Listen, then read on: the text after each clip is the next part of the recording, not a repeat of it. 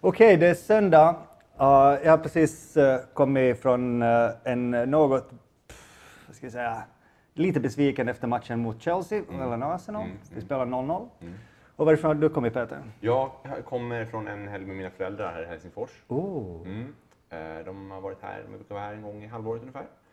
Och eftersom de har varit här så mycket så behöver man inte göra turistsaker. Så det är bara att hänga, ha det skönt, Hänga och käka. hänga och käka och sådana grejer. Kul. Och, så, och si- sista jag gjorde var att cykla hit på en av de här stadscyklarna då, Igen. igen och eh, lyssna på en eh, podcast av Olof Lunds eh, podcast, Sportjournalisten, från Fotbollskanalen i, i TV4s Fotbollskanalen. Där han intervjuar Simon Bank. Ah, En eh, int- intervju som jag verkligen kan rekommendera. Mycket bra.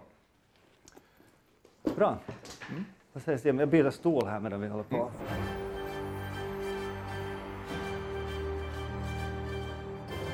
Två nollor för mycket med Peter Törnroth. Så, eh, så det, det har varit eh, lugna puckar. Lugn, lugn helg. Mm. Ja, det, det kan jag inte säga att var exakt detsamma faktiskt. Jag fick ju göra debut som konstnär Mm. i fredags. Uh, stort tack till Teater Virus för den möjligheten. Jag blev uh, i våras kontrakterad som uh, kurator för utställningen som de ville ha inför sin 30-årsjubileum. Teater Virus fyller alltså 30 år. Och, och jag tror vad de hade tänkt sig var att jag med min vad ska jag säga, journalistiska bakgrund skulle Mm. på något sätt kunna producera en utställning kring just journalistiken och sånt här kring 30 år av virus och så här. Och sen ge, ge över detta koncept till någon konstnär som kan förverkliga det. Mm. Men jag tänkte naturligtvis, som den rationella människa jag är, jag gör det själv. Ja. Och det, där, no, det, var, det var en hel del vektorgrafik och sånt här, så det var, det var inga svåra grejer. Och jag blev ganska nöjd. Och vi fick ett bra, bra betyg för det också på vernissagen nu. Tanken var att uh, utställningen skulle finnas kvar i tre veckor, Mm. som vanliga utställningar gör. Men uh, det verkar vara rätt enhälligt i, teaterns styrelse, att- eller ledningsgruppen där, att uh, det här är någonting de vill ha som ett permanent inredning. Det, det blev så dyrt alltså med andra ord. Tvärtom, tror jag. Tvärtom. Ja. Men eh, ja, istället för, för, att, eh, för att konstla till det så, så tog vi bara tusch och gick åt väggarna. Mm. ska göra lite reklam för utställningen. Det är ju ingenting pekuniärt som, som jag vinner på, på det, men att om ni vill se Virus 30-åriga historia så finns den utställd på deras nya lokal i, i Victoriakvarteret, som det heter, Mm. på Busholmen i Helsingfors, Medelhavsgatan 14. Mm. De har ju sådana namn där borta. Ja, skönt att börja med reklam. Det gör ju podcaster. De gör ju det. Ja, Ja. Så det borde vi också göra med andra ord. Ja. Ja, ja. Jag har tyvärr ingen som eh, satsar på mig på något sätt där. Ingen är sponsorering. Ingen som alls. Jag får, jag får helt enkelt säga att eh, lyssna ändå. Vi gör det. Ja. Va, vi kör in på nyheterna Mm. i veckan, Peter. Det, har- någonting som har hänt med dig har varit att titta på fotboll här. Eh, ja, precis. Det har ju varit en eh, nazistdemonstration i Göteborg. Mm. Eh, vilket när vi sänder ut det här i etern, den här podden, kanske vi vet mer om. Men eh, vad som hände var helt enkelt att de helt oannonserat i Göteborg eh, marscherade genom Avenyn. Och eh, det verkar som att de tagit alla på sängen, inte minst polisen. En oannonserad nazistdemonstration. Ja, och med andra ord olovlig. Eh, och, eh, och de eh, visar väl tänderna antar jag, inför, inför kommande stordåd. De har ju på gång att de ska demonstrera utanför Bokmässan 30 september. Precis, det är lite... Också i. Göteborg. Det var så Eh, ett pre-party liksom. Ja, ja. Och eh, det är väl naivt att tro att det här inte bara var någonting som vi kommer få se ganska mycket av under det närmaste året inför valet nästa Mm. år. Eh, så att eh, det är otäckt faktiskt. Ja, det är överraskande på något sätt. Ja, ja överraskande. Alltså, jag vet inte om det är överraskande. De, de, de har nog vädrat luft. De, vet, de, alltså, de, det är ju, de Men- behöver inte göra så mycket. Jag vet inte hur många det var nu. Men, säg att de var hundra stycken, bara för att ta en siffra. Snackar vi om de här killarna i vit uh, knäpp Ja, de har ju skjorta liksom, och, exakt, de har ju den här och gröna, sen- gröna slips. och gröna slipsen intuckad i, i Ja. knapphålet Ja, så att ingen ska ta, nappa tag i, den. Liksom. ja, ja, ja. Så, ja, du vet, det är det gänget. Och, och, eh, och polisen, eh, jag antar av goda anledningar vill inte, när de är underbemannade, gå in och störa det här. För de vill inte ha bråk. Mera uppmärksamhet liksom. Ja. Ja. Eh, så, men det, jag tycker att de kommunicerar det konstigt. För de kommunicerar, alltså polisen, kommunicerar det som att eh, det verkar inte som att nazisterna eh, vill lyssna på våra förmaningar att de ska sluta. Det verkar Det inte verkar som om inte- de vill lyssna på verkar våra inte- förmaningar. Ja, alltså det verkar inte som att nazisterna gör som vi säger åt dem. Om man är sådär, nej det verkar ju som att de inte gör det. Nazisterna lyder inte. Nej, precis. Kul. så, och jag kan tycka liksom att om man är polisen, visst jag fattar, de, de måste hålla någon slags professionalitet och de måste naturligtvis alltid, alltid precis som vi andra liksom stora stökigheter, om det är liksom fotbollsklack eller vad det är för någonting, måste bedöma om det är värt att gå in och störa eller om det är bättre att liksom styra ut det mot ytterområdet eller vad det är för någonting man gör. Det finns säkert massa olika strategier och taktiker som, som, som de använder. Men jag tycker man kan ändå markera i kommunikationen att det här är allvarligt. Det tycker jag man skulle kunna göra. Så, så där tycker jag, och där undrar, jag vet inte varför de inte gör det. Om det är liksom, jag, har svårt att förstå varför de inte är tydligare. Hänger det här ihop med, med den här, eh, vad vi snackade om förra veckan i, i podcasten som, som tekniskt havererade och vi inte kunde lägga ut den. Mm. Men då talar vi om svenska poliser som inte vill slåss. Ja, precis. Svenska poliser som inte vill slåss. Jag tror inte att det är samma alls. Nej. Det har inte med det här att göra. Nej. Nej. Jag, tror, jag tror att eh, om, om det är någon kritik de kommer få för det här är väl snarare den att om man jämför med kravallerna i Göteborg 2001 där polisen ju har fått mycket kritik för att de inte precis vände andra kinden till, om man säger så, gentemot sig, eh, vad det nu var, anarkister och socialister och allsköns liksom protestanter. Revolutionära vänstern. Ja. Eh, så, så, så många, vad jag har sett nu, på till exempel på Twitter har jag sett att många ställer den frågan. Det verkar inte som att det är problem att liksom gå in och klubba ner folk för och skapa liksom oroligheter, eller hur man nu ser på det. Det har blivit oroligheter av, av liksom den konflikten. Varför nu, när det är nazister, är det inte samma sak? Och jag tycker att det är en relevant fråga att ställa. Jag, jag skulle aldrig gå så långt som att liksom peka finger och säga nej men det är för att de är nazister själva, naturligtvis inte. men, men ändå, jag, det, jag, jag förstår inte riktigt varför de inte är tydligare i sin Okej, det är söndag eftermiddag, den är oannonserad va? De bara plötsligt dyker upp Ja, absolut. Självklart har de inte bemanning för att ta ett tag i det. på en söndag, tänker jag mig att polisen ändå, Absolut. kanske inte på, på toppbemanning eller? Jag tror absolut att det är exakt så. Det är säkert någon fotbollsmatch på gång samtidigt. Eh, det är säkert, du vet, de, säkert, absolut. Så jag tycker, jag har svårt att kritisera dem för att, liksom, att de inte bara fixar det. Mm. Men, men kommunikationen tycker jag kunde vara bättre. Om, och det här är ju alltid den här what about-grejen när, man, när man talar om nazister. Om det hade varit Isis som Mm. demonstrerar eller liknande, skulle jag fått samma bemötande? Eventuellt. Men det är väl det som är, bot- är inte där kritiken bottnar? För jag gissar, kan, jag kan ha fel, men jag gissar, eh, om, jag får, om jag får gissa lite grann, att eh, eh, polisen har bättre koll på de rörelserna. Så de vet, det kommer inte ske i ett vakuum. De kommer veta att det här håller på att hända. Ja, är det så? Så, det, det, det, för det är väl följdfrågan att ställa. Hur kan liksom, massa nazister marschera på Avenyn och alla blir överraskade? Hur är det ens möjligt? Hur, hur har ingen hört om det här? Hur, hur har de hållit det hemligt? Liksom? Kan, kan de bara säga så? Bara, "Ah, vi ses om en kvart. Så kan det inte vara. Det måste ju skett en kommunikation innan, i den, under de kretsarna. Och var är signalspaningen nu liksom? Exakt det jag menar. Vad jag, vad jag menar är att jag tror, att, jag tror ju, inbillar mig i alla fall, att om, om det var eh, islamister, eh, Isis motsvarande, som, som fick för sig samma idé, eh, så skulle det inte vara, det skulle vara känt och de skulle inte vara underbemannade. enkelt. Gissar jag. Det är svårt att inte, inte dra den här slutsatsen av att, eh, av att eller ska säga spekulationen av att, av att polisen på något sätt känner sig mer trygga med, med en sån här hög, högerextrem demonstration än vad de gör med en eh, anarkistisk vänsterdemonstration eller en jihadistdemonstration. Uh, på något sätt ett, ett, liksom ett problem man känner igen, uh, en mentalitet som man kanske inte nödvändigtvis sympatiserar med men som är liksom hem, hemmaplan.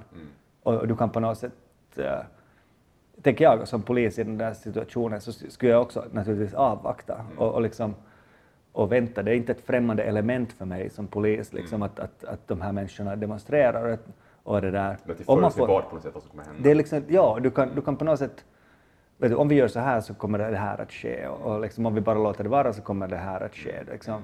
Och, och en sån professionalitet tror jag att finns hos polisen och särskilt när det gäller då liksom, uh, högern.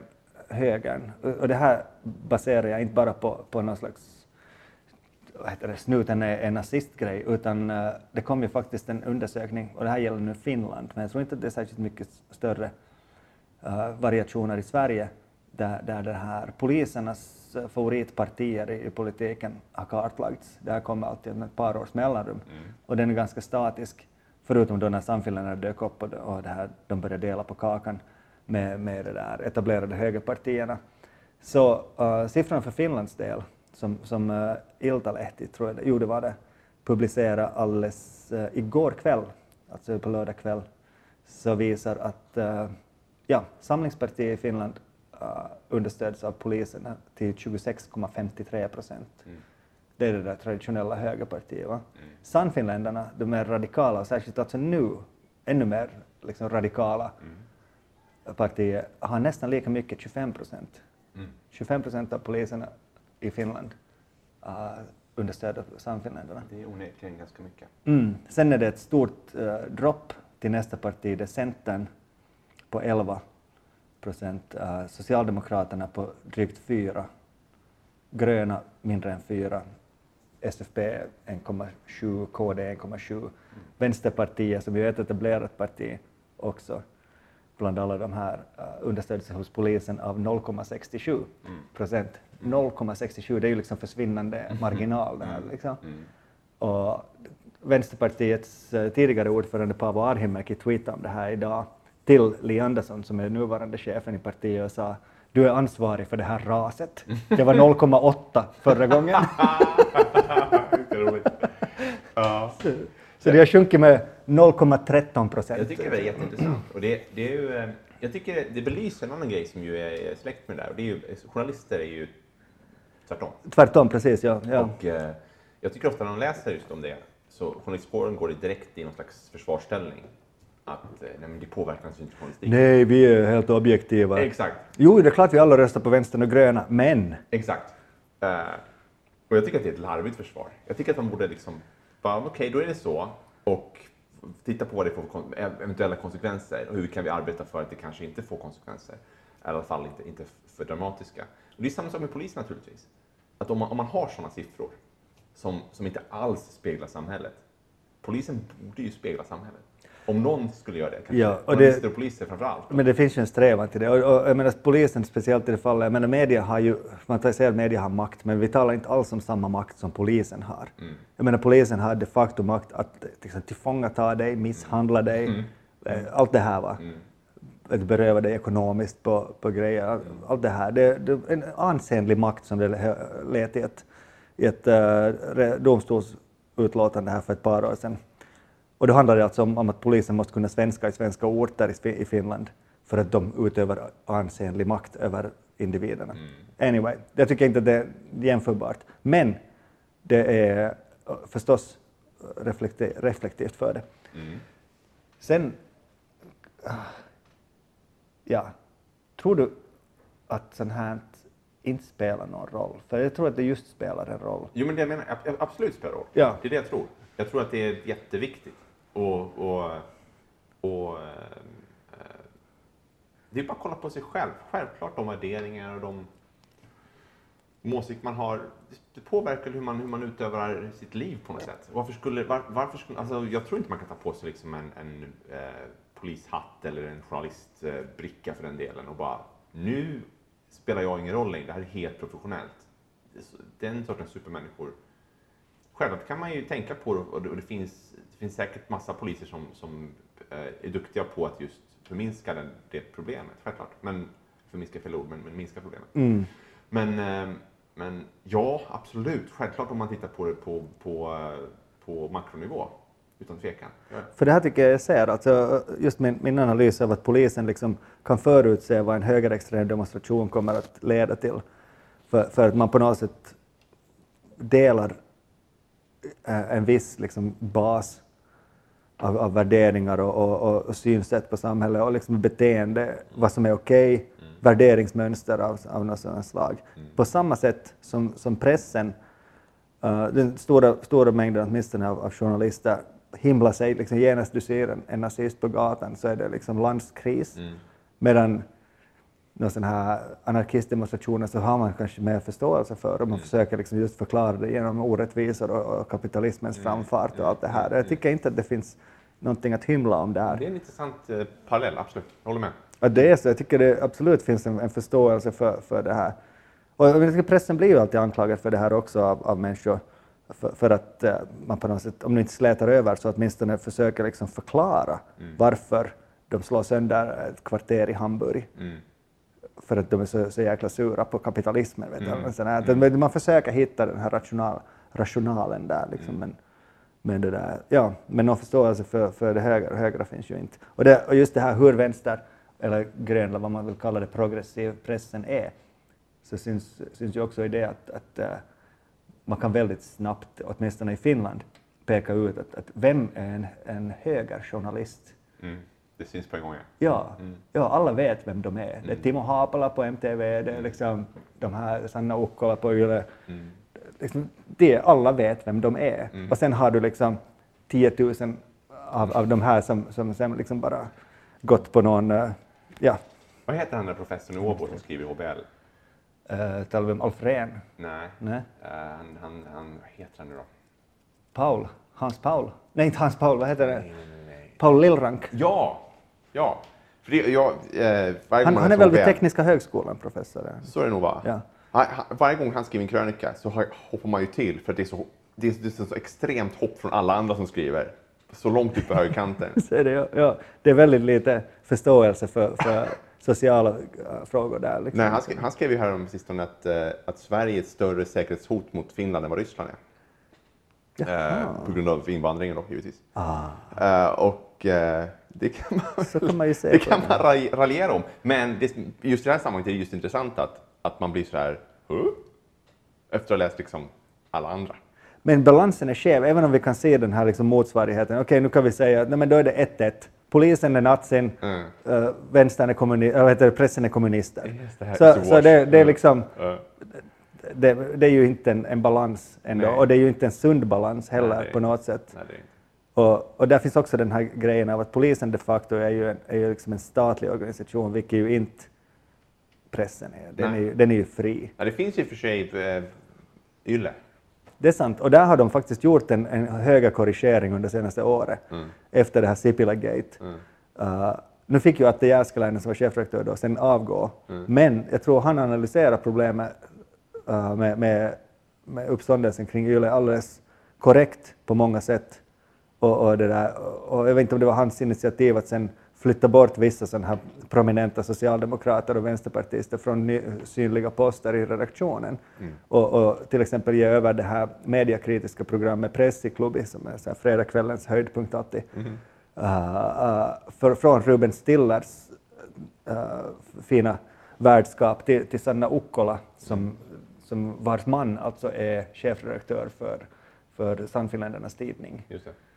Och, och, det där. och Sanna brukar skriva sådana kolumner som är väldigt misogyna också. Väldigt sån här, vad ska jag säga, hela, hela rödgröna röran har fel Ja. grejer. Vet du. Det är liksom, det är Sanna är hon. Och sen uh, Ilta Sanomas chefredaktör Ulla Appelsin, hon heter faktiskt så, eller Appelsin på finska då, som det där, som, som också har så här konstigt, om inte misogynt, men en sån här patriarkal läggning i alla sina texter. Att det där, finska kvinnor har nog det så jävla bra. Liksom. Se på Saudiaraberna hur svårt de har det där. Att, liksom, att uh, finska män är så jättefina och, och vet du, du ger möjligheter åt kvinnorna och, och allt sånt här. Alltså fullständigt svalt den här gamla liksom, patriarkala idén. Och det är klart att, att det, liksom, varje gång hon skriver någonting så, så går Twitter rött igen. Liksom. Ja. Så, det, så att, ja, någon slags eh, balans har vi där då. Just det. I alla fall så ska ju som sagt de här nazisterna demonstrera igen 13 september utanför Bokmässan. De får tillstånd om det. Eh, mässan jobbar på att försöka få det att inte hända. Men det är tydligen inte så enkelt. Vad i helvete har de där att göra överhuvudtaget? Varför ska de på bokmässan? Det, här- det här är väl människor som bränner böcker? ja. Va? Ja, alltså, jag vet inte. Det, är bara, det handlar ju bara om uppmärksamhet. De vet ju om det själva. De vet ju om att, att, eh, att eh, de vet ju om att de också får väldigt stor effekt just där. Efter just det är publicister som det handlar om mycket. Och publicister tenderar att vara inte tycka om nazism så mycket. Och eh, då får de liksom, de får ju mothugg, de får uppmärksamheten. Väldigt, alltså, det blir liksom debattartiklar, det blir så här listor, liksom så här, 30 författare kräver att du vet, NMR ska inte få, du vet, den grejen. Uppmärksamhet, uppmärksamhet. Eh, så vad, vad som än händer, om de inte får komma, om de får komma, de vinner ju oavsett. Liksom. Mm. Debatten är redan igång. Ja, och, och, och sen så, debatten i Sverige har varit nu att, det, att Jom Kippur är då, alltså judiska högtiden är exakt samtidigt och de ska demonstrera väldigt nära Ah, synagogan i då. Och, så det, alltså, liksom. verkligen. Mm. Så, Så, ska, vi, ska vi dra en, en eh, förmildrande parallell här nu igen då? Så har du kring G8-toppmötena så har du vänstern som ställer till med, med Det uppmärksamhet. är ju inte och samma liksom- sak. Det är det ju inte. Och där tycker jag att man, just där, man ska vara försiktig det, för, för det är ju, det är ju att, att protestera mot eh, George Bush i Göteborg. Eh, det är ju, man, man kan ju demonstrera på, på fel rätt sätt, men det är ju legitimt. Det är ju en, en världens största, alltså det är ju mäktigaste mannen i världen som kommer hälsa på. Såklart måste man kunna säga vad man tycker då och demonstrera. Men jag, jag, jag har ju sagt det flera gånger, jag, jag, jag har så himla svårt att förstå vad nazister har för argument. Vad är det för argument de ska föra fram som alla ska vara så här, okej, det, där var ju en, det där var ju en åsikt som vi måste debattera. Det finns ju ingenting. Det finns ju absolut ingenting att debattera. Det här är något du har varit väldigt tydlig med ända sedan podcast nummer ett, Ja, som för ett år sedan. Ja, och jag fortfarande kan inte förstå det. Och, och det konstiga är att jag, jag har hört det innan och sen dess kanske mer och mer många människor som, som just tycker att nej men alltså, de, måste, de har lika stor rätt som alla andra. Jag säger, jo, jo, det har de ju, men, men de har lika stor rätt att uttrycka åsikt som alla andra. Men det finns ju liksom sen eh, faktiskt en, en, gräns där man, där man måste titta på vad är det här för saker de försöker debattera fram? Vad, vad är, någonting, vad, vad är faktiskt deras, vad, vad är deras liksom åsikt? Och med vilka metoder? Ja, precis. Och med vilka metoder? Och vad får det för konsekvenser? Jag menar, om du tittar på just Bokmässan till exempel, att det finns ju folk som inte vågar gå dit. På grund av detta, ja. Ja. eh, och, och, det var ju en ganska bra text, uh, jag minns inte vem det var som skrev det, men jag tror det var DN, en, en, kvinna, en judisk kvinna som skrev just om det, om det här som hände på Gotland nu under Almedalsveckan, där de också var. Och deras markerade närvaro, att de kommer dit och, och bara står där med sina flaggor och, och liksom kommer lite närmare hela tiden. Vilket ju gör att folk blir oroliga, det, skap, det skapas en oro i samhället. Och, och folk kanske inte vågar gå dit, eller folk vågar inte säga saker, det är ingen som vågar säga emot. Jag har läst flera stycken på Twitter bara den här veckan som har sagt att de vågar inte ha, ett skäl varför de inte vågar ha avanonymiserade konton är för att, för att de är rädda för sin familj. De vågar inte ar- argumentera mot det här så kraftigt som de vill göra. Precis. Eh, För det, det finns ett hot om våld som hela tiden ligger över det. Exakt. Och jag, jag, jag har så svårt att se varför det inte finns, varför inte lagstiftaren kan, alltså varför inte Jag finns ser någon, skillnad på det Jag här. ser skillnad på det här, ja. Ja. Så, så, men Jag ty- tycker att det är väldigt lätt. så är det juridiskt inte så okomplicerat. Jag till och med, till och Det med är det att, eh, säkert inte. Till och med Advokatsamfundets ordförande gick ut nu i veckan och sa att det inte är så himla lätt. Det är inte, det är inte helt okomplicerat att bara säga att ni får inte. Ni får inte. Nej, nej, det är klart att det är jättesvårt. Mm, Där, men, men jag menar rent så här, för det blotta och bara ögat så tycker jag att det är ganska lätt att avgöra för vem som helst. Du behöver inte vara någon expert på politik eller något sånt här. Men om det kommer ett, ett gäng och kräver nu ska vi debattera också de här sakerna som vi tycker är viktiga Mm. då, och, och de har uniformer på sig, då tycker jag att man kan liksom bara sopa, spola bort dem från gatan. Mm. Att, men, där, det är någonting där va? Mm. Mm. med, med det här uniformhelvetet. Alltså Mm. det, att vi klär oss uniformt för att visa liksom gruppstyrka, för att vi nu inte har någon gruppstyrka de facto. Alltså det Just finns ingen en rejäl, ba, reell bas eller något sånt. Mm. Men, men jag menar, jag, jag kan sympatisera med vilka värderingar som helst. Kanske, kanske liksom miljö är en sån här fråga som jag tycker är jätte, jätteviktiga. Som, som obviously, jag menar, vi har bara en planet. Mm. Jag tycker det är, en- det är liksom en rationellt viktig fråga. Men jag, alltså, om någon slags eh, miljöaktivister kommer marscherande i uniform Mhm. så sopar jag nog också dem från gatan. Mm. Det är inte så här vi liksom bedriver politik. Nej, det blir rätt så RAF liksom. Ja, alltså det är inte, du, kan, du kan vara för bättre sjukvård och allting, men lämna sen den jävla uniformen hemma. Du kommer inte i uniform Mm. och skriker efter bättre sjukvård liksom, och, och liksom marschera på led och, och skandera. Liksom. Det, det är inte så vi gör det helt enkelt. Så genast någon har uniform på sig, genast någon börjar tala om att det är ont om tid, allt det här. Ja. Så här, sån här liksom telltales för idioti helt enkelt. Det var ju, det var inte jag påminner om det, han är ju inte uniform på något sätt, men den här Per Holmberg är ju en sån meteorolog i Sverige som varit med på TV och så här. Ja, eh, och han har ju varit, väl, han har ju varit, han är ju en sån spokesman för global uppvärmning, verkligen, i Sverige och har varit det sedan jättelänge nu. För eller emot. Eh, alltså, han, han, han, han, han har helt enkelt, han har väldigt, jag minns för flera år sedan, säkert tio år sedan, så var han ute och sa att vi borde, ha, vi borde tillsätta en, eh, en krisregering bestående av experter som helt enkelt bestämmer att nu gör vi så här. Mm. Han var helt så här, det här med demokrati, det, går för, det funkar inte. Liksom. M- miljön är så viktig nu. Att Planeten håller på att gå sönder. Och vi måste Mm. Men det är faktiskt en av de frågorna där jag tycker att man kan diskutera undantagstillstånd. Alltså för, för att, Fast jag menar, är inte problemet just att okej, men det funkar ju inte. Det vet vi det är klart att det inte funkar. Nej. Men det, det kanske just liksom en av de få, vi talar om, om någonting som potentiellt hotar liksom all möjlighet att göra någonting överhuvudtaget. Absolut. Jag, jag skulle gärna Det- det är se att- politiker som gick samman och gjorde någonting åt saken. Självklart. Men Det är grundförutsättningar för existensen, goddammit. Vi talar inte om liksom bristfällig sjukvård. okej. nu, jag, Ja, nu blir jag radikal, verkligen. Mitt, mitt argument emot är ju så här, okej, vilka ska sitta där då? Och sen så är det liksom det igång. Vem ska sitta där? Vilka 10 eller 100 eller 7000 ska sitta där? Det funkar ju inte. De akademiskt mest meriterade Ja men naturligtvis. tjena. Ja. Universitet lyckas ju välja professorer med någon metod också. Jo, jo, men det är ju ett universitet och förmodligen så går det knappt ens där. Det är nog sant. Det blir aldrig rätt, Nej. hur man än gör. Mm. Ja. Ska vi lämna nazisterna kanske? Alltså, Vi, lä- vi lämnar nazisterna och men jag undrar om, om, om jag kan lämna poliserna helt, helt ännu. Men, nej, vi, vi kan lämna både nazisterna och poliserna. Mhm. Eller, eller kan vi? Får jag, får jag berätta om en rolig grej ändå som jag hittade som har lite med, med den här nazismen att göra. Eh, det, det dök upp en, en här Facebookgrupp som heter Fosterländska singlar. som, som var där för bra. Malis, ett sinkut. Och sen i deras så har de också ett så här hjärta av en, av en uh, klammer och en trea i sitt, i sitt namn. Ja. Och så här beskriver de sig. Mm.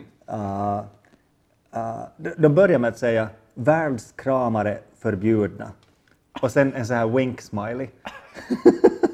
I den här gruppen, bland annat, understöder vi inte att Finland är hela världens socialbyrå, särskilt inte med skuldpengar. I den här gruppen söker vi patriotiskt sällskap, hjärta.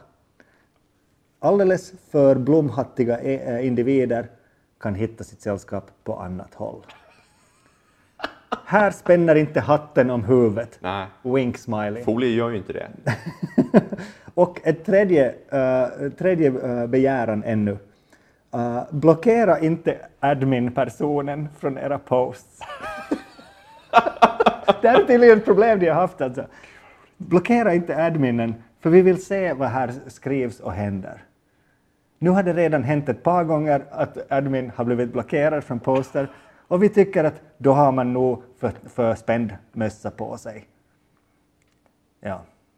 Vi är väl alla, sen en till wink smiley, och eh, vi är väl alla vuxna här va?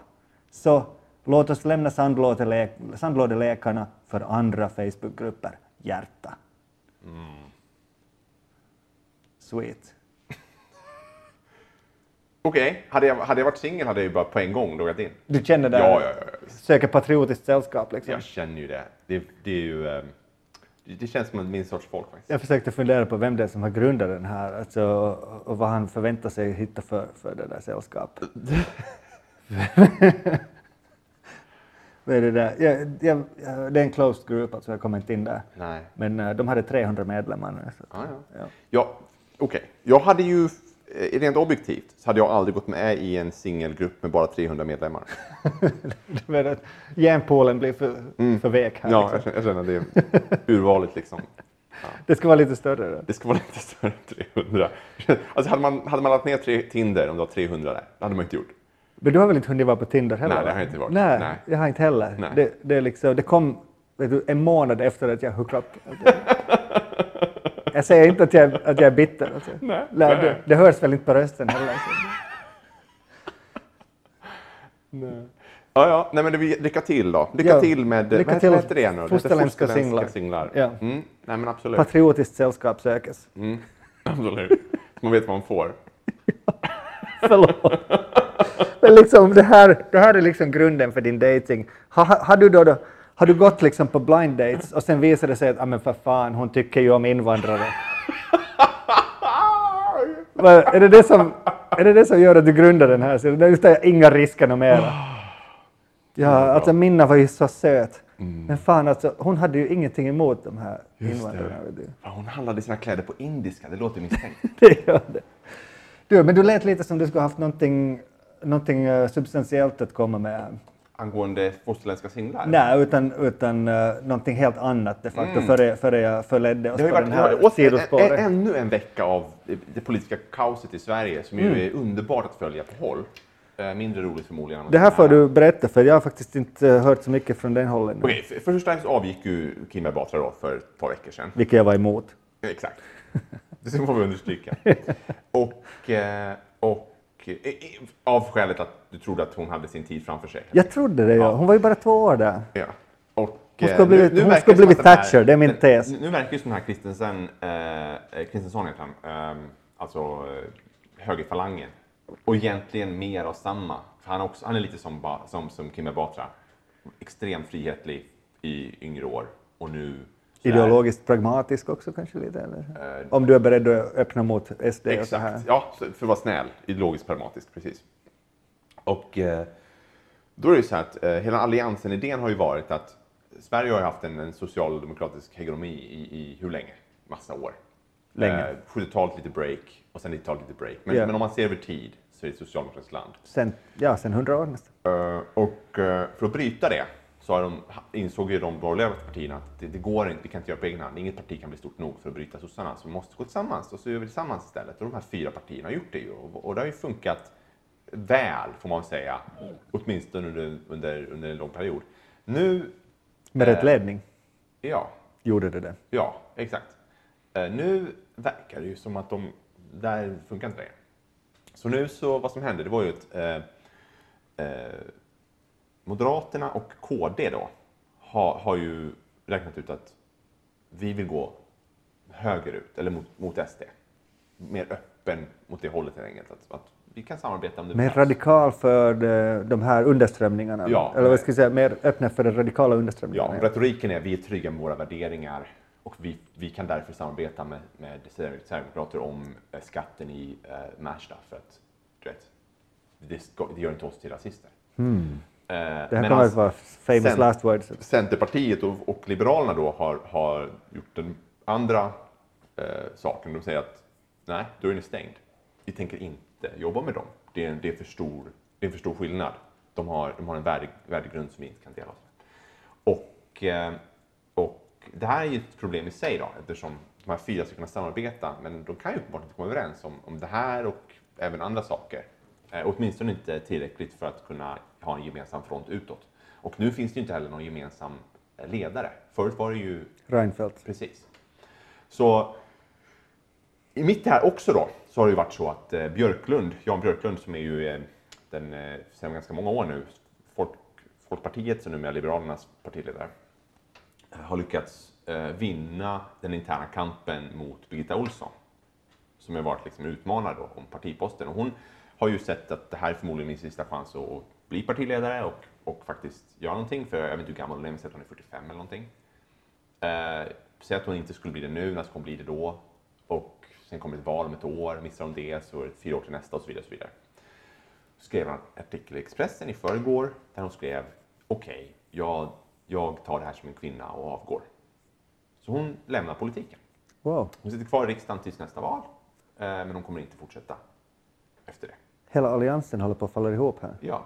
Så, och, och eh, eh det var en jätterolig, alltså, så här, alltså komisk liksom, sekvens nu i, i, i eh, eh, Aktuellt i förrgår tror jag det var, där, där eh, de bjöd in Jan Björklund och, eh, och eh, Busch Thor, alltså Ebba Busch Thor som är KDs partiledare, för att debattera.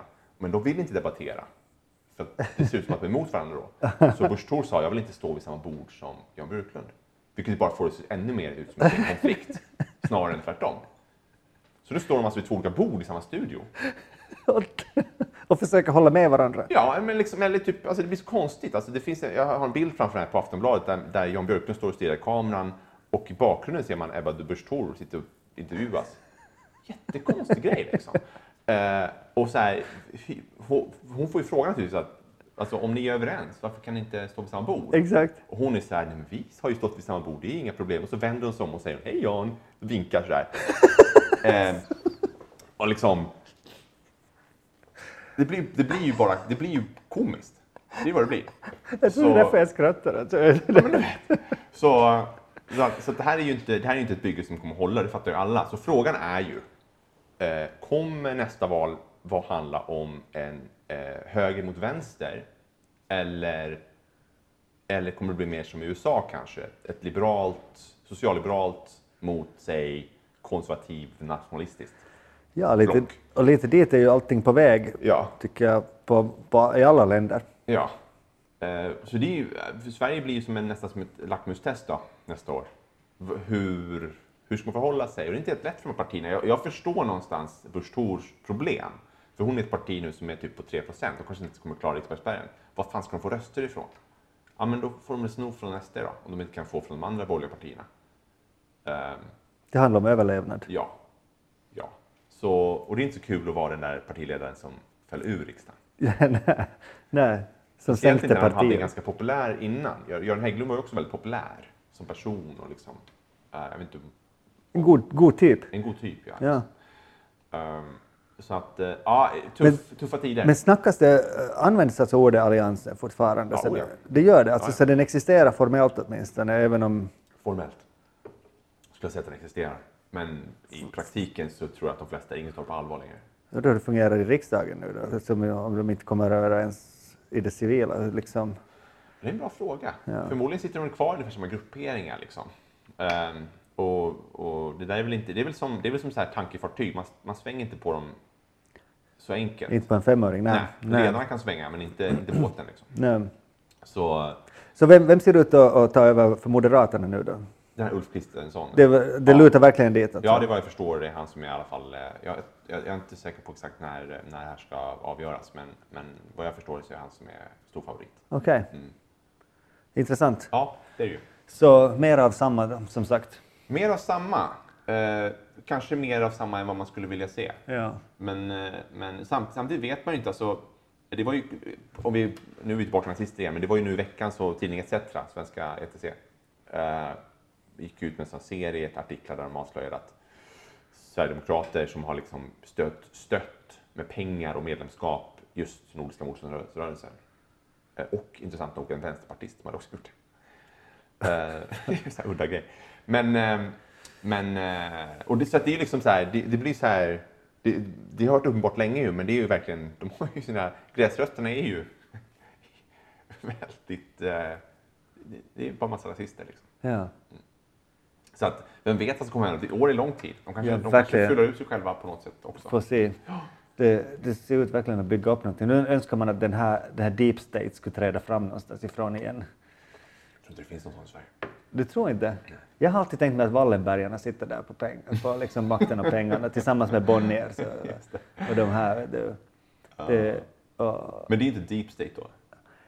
nej, men de har ju förstås alltså alla de här tjänstemännen i sin ficka. Allmänt så? Ja. Mm. Att det, att, att, eh, ja, förstås alltså hela den här, den här nedtystade eliten som, som inte hade plats i det socialdemokratiska Sverige. Jag undrar om Sverige inte blev lite brända av IB-affären där. Att det fortfarande är någonting som folk undviker, att ha såna här liksom hemliga... Kotterier. Ja. det är möjligt. Det är alldeles möjligt att, att, eh, att ni har gått så långt. Men det här verkar ju verkligen, alltså, det kommer att bli otroligt intressant att se på vilket sätt det här valet, liksom, hela kampanjen kommer att se ut. Det, nu, när vi började den här podden så talade vi om svenska riksdagsvalet och då var det två år till, Ja. till valet. Nu är det bara ett år. Ja, tiden går. Och eh, jag tror det här är något som vi får återkomma till ganska mycket här Ja. under senare tider. Uh, och speciellt intressant alltså hur det går för de här små partierna i alliansen kanske.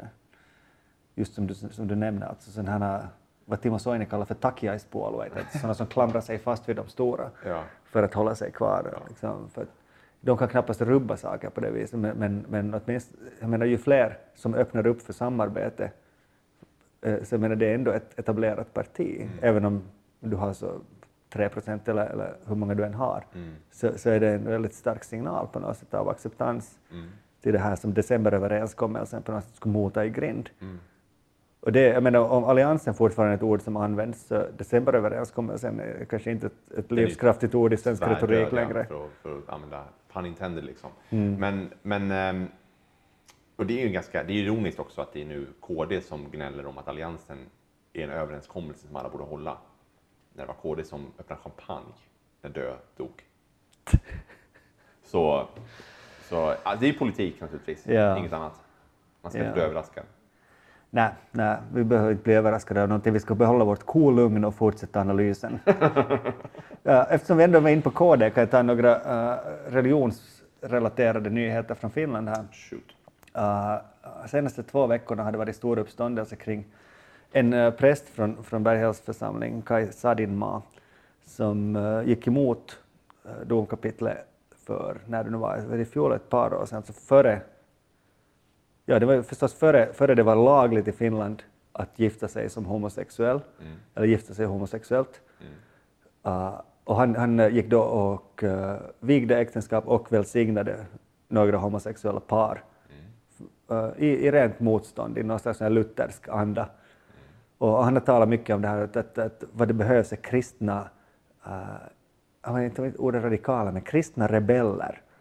Han ser på sig själv som någon slags följare just av, av liksom Jesus i första hand. Okej. Att, att liksom, vet du, Jesus etos övertrumfar domkapitlets politiska hållning till olika saker. Ja. Och jag menar, vad, in effekt, vad han gör är ju förstås då att vända sig emot sin arbetsgivare, Ja. domkapitlet och liksom hela kyrkan. Och, och det här kan ju de inte titta på. Så här bara liksom tycka att okej, han bryter mot de regler vi har satt ut, men och de kan ju inte blunda för det. Nu hade det spekulerats i ett par veckor då, när den här casen har trummats upp, att, att där, vilken ställning tänker domkapitlet ta gentemot den här enskilda re rebellprästen då. Uh, det fanns tre alternativ. Antingen att låta det passera, att ge ett, uh, eh, en reprimand eller att avskeda honom. Just det. Och han sa att han accepterar inget annat utfall än total frigivning. Att, han, han, han tar inte emot något straff. Han tänker dra det vidare till HFD, han tänker dra det hela jävla vägen. För att få uppmärksamhet för sin den här casen. Och han har ju alltså folket bakom sig, förutom då de stockkonservativa kristna och andra som det där som nu opportunt kan stödja kyrkan av, någon orsak. Så vad han gjorde här, äh, samma dag det här beslutet skulle falla, det var i slutet på förra veckan, så kommer han äh, med, med en sån här, vad, vad det, stock som man sätter fast ben och armar i, som man hade tidigare på, på, på torgen i städerna. Han hade hittat dem på ett museum någonstans, någonstans ett kyrkomuseum uppe i landet, rådat in dem till Helsingfors, ut på salut, äh, Senatstorget framför, framför kyrkan och, och kedja fast sig själv på torget där eh, tillsammans med det här paret han hade vikt då som det var kontrovers kring. Och där satt de och, och hade då liksom sina tiotals fotografer och journalister kring sig och han stod där. Och, och det såg ju lite, lite lustigt ut. Vad heter den? Fotstock? Heter det så? En stupstock? Nej. Är det något annat? Nej, det säger något annat. Jag försökte komma på den rä- rätta termen. Jag tror alla vet det här. Liksom, det är bara liksom, du, du är fast, fast i fötterna där så, så, där, så får, får ortsborna komma och, och bespotta dig. Och, Stupstock heter i alla fall när man har händerna och huvudet inne i den. är det så? Ja. Okej. Den här, han satt, han satt i, i, med fötterna fast. Okej. Och, det där, och, och då låtsades skämmas där för att han hade brutit mot kyrkans regler. Mm. Nå, det visade sig att, att domkapitlet fällde honom. Han fick en, en eh, reprimand. Ja. Så nu går väl, går väl casen vidare då.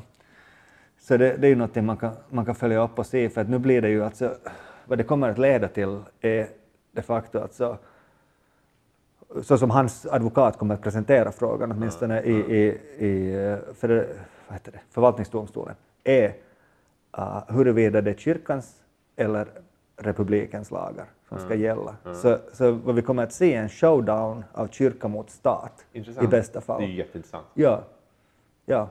För vi, jag menar, den kopplingen är fortfarande ganska osund på många sätt. Ja. Och speciellt i ett, i ett liksom multikulturellt civilsamhälle. Ja. Så, så det, här, det kan leda till något mycket mer intressant än att se, se en, en tuff präst sitta i fotboja på, på gatan. Så det har vi någonting att se fram emot. ja. Det ska, det ska Jag är ju, alltså, allt stöd till honom i principfrågan. Absolut. Och där är ju, jag förstår aldrig folk som medvetet ställer sig på historiens fel sida. Jag förstår inte. Liksom, bara titta på världen. Ni är på fel sida. Släpp det. Liksom. Gå vidare.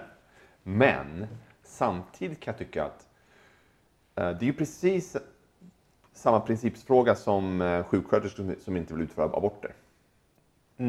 Eh, Att du kan inte som enskild arbetstagare göra reglerna på din arbetsplats. För att det måste finnas en konsekvens. Annars blir det väldigt konstigt. Om jag kommer till en, till en vilken som helst tjänste, eh, tjänstgivare, vad den är för någonting, och jag inte vet, beroende på vem som är där just den dagen, vet jag inte vad jag kommer få för tjänster. det är sant. så, så blir det konstigt. Och, och nu, nu, nu kan jag tycka att det är mer harmlöst att, att viga någon än att, än att inte eller att utföra en abort. Det är, liksom, det är två olika, helt olika frågor så. Men som principfråga tycker jag att det är samma. Att man, det är viktigt att, att man köper att om jag arbetar någonstans så har, finns det vissa regler. Det är, det är liksom som att jag, jag kan inte göra vad jag vill på min arbetsplats heller. Mm.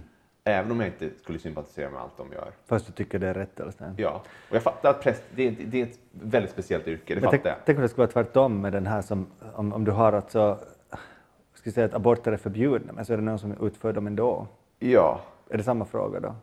eh, ja alltså i Eller, yrkesrollen, det är lättare ja. att, att, att låta bli att, att, eh, så att säga, Nej, ta alltså, livet I av yrkesrollen någonting. kan jag tycka det. Jag, jag, kan, jag kan tycka att det vore lite konstigt om jag om man sa så här, nej aborter är förbjudna, men åk bort till Östra sjukhuset där borta, där finns det en kvinna som gör det. Mm. Det, det är ju jättekonstigt, alltså förstår du vad jag menar? Alltså om man tittar på den enskilda personen, jag fattar, jag fattar att det här är en sak för dig och din, dina principer och att du, du gör det här som en samvetsfråga. Men Men då jobbar du kanske i fel ställe. Ja, och, och ehm, jag tycker att det är en jätteintressant debatt och jag är inte säker på att jag har rätt i det här, men jag, jag bara, jag bara min, min inställning lite grann att, att om man tycker att det är fel av sjuksköterskan att, att inte utföra aborter eh, för att hon är sjuksköterska och det, det är lagligt med aborter, då kan jag tycka att det är lite konstigt att man inte har- använder samma argument här. I alla fall principiellt, utan att liksom säga att det är lika stora bollar i vågskålen. Men hade vi inte lite samma diskussion då när det var den här kvinnan var det i Belgien som hade vägrat ta av sig sin, eh, sitt huckle eh, när, när hon jobbade på McDonalds. Och, och de var som så, ah, du kan inte ha på den här när du jobbar för det, liksom, det hör inte till uniformen. Och då hon bara, ja men min religion overrider liksom Ja. era, era lägre. och då får hon sparken. Ja, För, och, och, liksom, och då, då minns jag att jag tror jag argumenterade men- hon jobbar ju då på fel ställe. Hon måste ju jobba på något ställe där du kan ha den på om det är så viktigt för dig. Om du väljer att på något sätt handikappa din offentliga roll Ja. på det viset att, Ja. att, eh, att du liksom måste gå omkring med ett huckle. Det är ett, det är ett val Ja. va? du gör. Så då ska du inte jobba på ett ställe som inte accepterar det. Mm. Men det blir ju mikro mot makro, är det inte Det, det? det, det säger jag inte att det är lätt att svara Nej. på men det är inte just det att om du tittar på det på det enskilda fallet så blir det tufft. Men om man tittar på det på, på högre nivå och säger att men så här, det finns, man måste ändå någonstans ha någon slags konsekvens i det. Mm. Det blir jättekonstigt. Men man ser, ju, man ser ju mer och mer folk som tycker att särlagstiftning är, är en ganska bra idé. Att, att i just det här fallet så borde man ha dömt eller gjort på det här sättet för att det finns du vet, den och den omständigheten eller för att du vet, det vore sjukt. Men jag kan tycka så här, men nu är det ju så att lagstiftaren det är som det är på något sätt. Före vi reder ut det här Ja. så får jag komplicera det ytterligare. Ja, gör det. För vad, eh, du säger att, att eh, jag menar, världen går åt ett visst håll, det, gör, det tror vi ju på. Mm. Som King sa också, Martin Luther King, uh, vad den sa, the, the arc of humanity, of the universe, um, bends towards justice, but Ja. bends slowly. Mm. Och, vi, och med det tänker vi då förstås att det blir liksom mer liberalt, det blir mer frihetligt och du har liksom mer och mer rättigheter. Va, va, I vilket fall, om jag får ta upp den här hucklefrågan ännu, är det, är det då McDonalds eller hucklet som, ska vä, vä, som, ska, som representerar friheten och, och liksom inklusiviteten och på något sätt Det är inte Framsteget En, det är inte en fråga utan det är flera frågor och det är det som gör det komplext. Det är inte, det är inte så att det är en fråga. Det är inte så att frågan är, ska jag få huckle på eller inte huckle på på rest McDonalds? Det är inte det som är problemet. Problemet är ju någon annanstans och det som hucklet representerar. Och, och vad jag menar är bara att det är två olika saker. Så det kan mycket väl vara så att den här bågen då, Kings båge, går mot att du får vad fan du vill när du jobbar på McDonalds. på McDonalds. Ja. Ha på dig, var naken, for all I care. Liksom. Men här borta finns det ett, du vet, en religion eller ett patriarkalt samhälle eller vad det är för någonting som, som, de, som definierar dig och det du måste göra eller inte, vet, inte får göra. Eh, och det är en annan diskussion och en annan fråga, men det, det, det är det vi diskuterar egentligen. Egentligen så är frågan ju, eh, har den här kvinnan blivit tvingad att bära huckla eller vad det är för någonting? Och är det ett problem eller det är inte ett problem? Tack för att du redde ut det där. Ja, det vet jag inte vad jag gjorde, men jag, jag, jag bara säger liksom att... Jag, vet, bara, jag, jag är också confused över det där, för att det är inte alltid självklart. Och, och, och jag vill nödvändigtvis tala om hucklan allt för mycket, för det här är någonting som jag inte har någonting med att göra egentligen. Men äh, är liksom rätten att, att bära huckla ett uttryck för frihet, eller, eller är det inte? inte där det springer någonstans. Ja. Bra, då har vi utrett det. Sen vill jag ta en annan fråga som handlar också om det här. Om du hade någonting i den här, äh, vad heter det, prästfrågan ännu. Nej. Därför för att, för att eh, om vi upprätthåller oss, om vi upp, uppehåller oss vid Kings båge fortfarande. Så, så, och jag tror att vi båda tror på det här. Och det faktiskt är på väg åt det hållet. Att samhället måste gå mot mer inklusivitet i, i, i, i det långa loppet. Och eh, jag skulle säga mindre styrning och allt, allt det här liksom. Hur det, hur det ska vara och hur det har varit. Och man ska kunna breaka normer och koder och, och, det där, eh, och göra individerna mer fria att uttrycka sig och vara i den linjen så, så gjordes det en ganska radikal grej i Finland här för ett par veckor sedan när uh, hockeyföreningen TPS i Åbo som första uh, hockeyklubb någonsin deltog i Turku Pride. Explicit som för föreningen. Liksom. Och uh, en vecka senare gav foten åt alla cheerleaders ur hockeyhallen. Du kan ju tänka dig vad hockeyfolket tyckte om detta. Herregud. Ja. Mm. Och, och, och jag blev som sådär, wow, det där var ju, det där var ju radikalt. Det där är liksom någonting jag hade väntat mig av kanske någon annan klubb. Men sen när jag tänker efter, det är klart att det är Åbo. Det är Finlands äldsta stad. Det, är liksom, det är öppningen mot Norden. Uh, nu känner jag inte till vad de har för folk i ledningen där. Men, men jag tänkte, vem annars skulle kunna göra det där? Så, så det enda jag kan tänka mig är typ Jokerit, som, som ändå är en så progressiv klubb med tanke på att de liksom lämnar ligan och får till KHL och sånt här. Och liksom de verkar vara öppna för nya idéer och lite, vet du, de spelar modern musik i hallen. Till exempel HIFK, som ju känt har nazister i sin klack och, och, och annars också liksom spelar liksom sån här 60-tals rock och har den här gamla liksom gubbmentaliteten. Också en finlandssvensk identitet, men, men en sån här liksom gamla goda tidens hockeygrej. Liksom. De skulle aldrig kunna göra det, åtminstone inte som första. Så jag var lite så här avundsjuk att, att liksom, God damn, ska Åbo liksom stjäla den här grejen av progression från Helsingfors nu? Och, och, och det där, hur fan ska det gå? Och jag har inte liksom riktigt sett det här utfallet ännu, eller vad- som det bra heter på, på, på finska och engelska, the fallout av, av den här liksom händelsen. Laskeuma på finska. Liksom. Var, var lägger sig dammet liksom, efter en sån här uppståndelse? Och, och jag hade, hade ett annat sammanhang skäl att diskutera den här frågan om, om huruvida hockeyn och inställningen till hockeyn och, och publiken kring hockeyn borde liksom utvidgas, förnyas och liksom bli mer inklusiv och sånt här. Det var, och, och, och så började jag förstås vända jag mig alltid mot, mot dem motströms och tänker men är det nu schysst att stjäla också hockeyn av de här stackarna som det där, som, som, som, vet du, som fortfarande tycker att det inte är något fel på det patriarkala systemet och, och som, som tycker att det är alldeles okej att, att, att, eh, att det är naturligt att kvinnan eh, fixar det ena och det andra där hemma enligt traditionella modeller och sånt här. Ska vi nu ta hockeyn av dem också? Är det liksom... Och sen tänkte jag, ja men det är ändå liksom Finlands i stort sett alltså de facto nationalsport. Ja. Och, och det måste ske och det kommer att ske i något Det är skede. ju en marknadsfråga, inget annat. Det, det, det blir ju det ju. Ja. men, sa- sam, alltså det är klart att det finns en, en större publik för en inklusiv Ja. eh, känsla kring hockey och sånt här. Så det är klart att vi måste tänka det på det viset och, det, och hela Kings båge bär ditåt och allt sånt här. Men jag kunde inte låta bli att tycka lite synd om de här som, som liksom så envist håller fast vid det här att du, ingenting får förändras och allt sånt här. Och hockeyn är liksom ungefär det sista de har kvar där man får liksom beundra den här våldsamma maskuliniteten och, och, och, och, och på något sätt njuta av lättklädda tjejer som dansar bredvid en och, och eller, njuta, fan vet jag inte, inte vet jag om folk ser på dem ens. Och, och, och så här, det gör, det gör de säkert. Och nu vill jag inte förminska heller vad de gör, för de är ju, eh, om inte professionella, så åtminstone världsklass Det är finska en cheerleaders. sport, Ja. cheerleading. Det är ju det. Ja. Sen, jag menar, men det är också pole dancing och jag vet inte om Ja, jag vill att min dotter ska göra det heller. Liksom. Men fan, hon gör ju vad hon vill anyway. Så Ja. jag bara, det är kanske inte det jag skulle rekommendera nödvändigtvis, efter, Nej. eftersom det har de konnotationer det har. Och, sådär. och, och jag har nog också tyckt att det är liksom lite så sådär, jag menar, ni kan ju dansa, men lägg kläder på då. Men det är inte exakt det som är grejen. Om du är, om du är då Dansa inte naken framför mig då jag försöker titta på hockey. Ja, men här, här, här, exakt där är det ju. Om du är klubben och du vill förnya dig, fräscha upp, du vill liksom ta bort just det här elementet av lättklädda kvinnor som dansar inför en, en eh, testosteronstinn maskulin hockeypublik. Eh, du kan inte be dem att ta på sig kläder. Det går ju inte. Det är ju ännu värre. Ja, Kanske det är det, ja. så... Jag så, tror alltid att, att jag är så sensitiv. Och så, men men det visar sig att jag är the ogre inuti. det ändå, går liksom. inte. Man kan inte göra det. Du kan inte, det är ju sämsta man kan göra som man. Det, det är ju att gå in i den debatten. Be någon ta på sig kläder. Eller hur?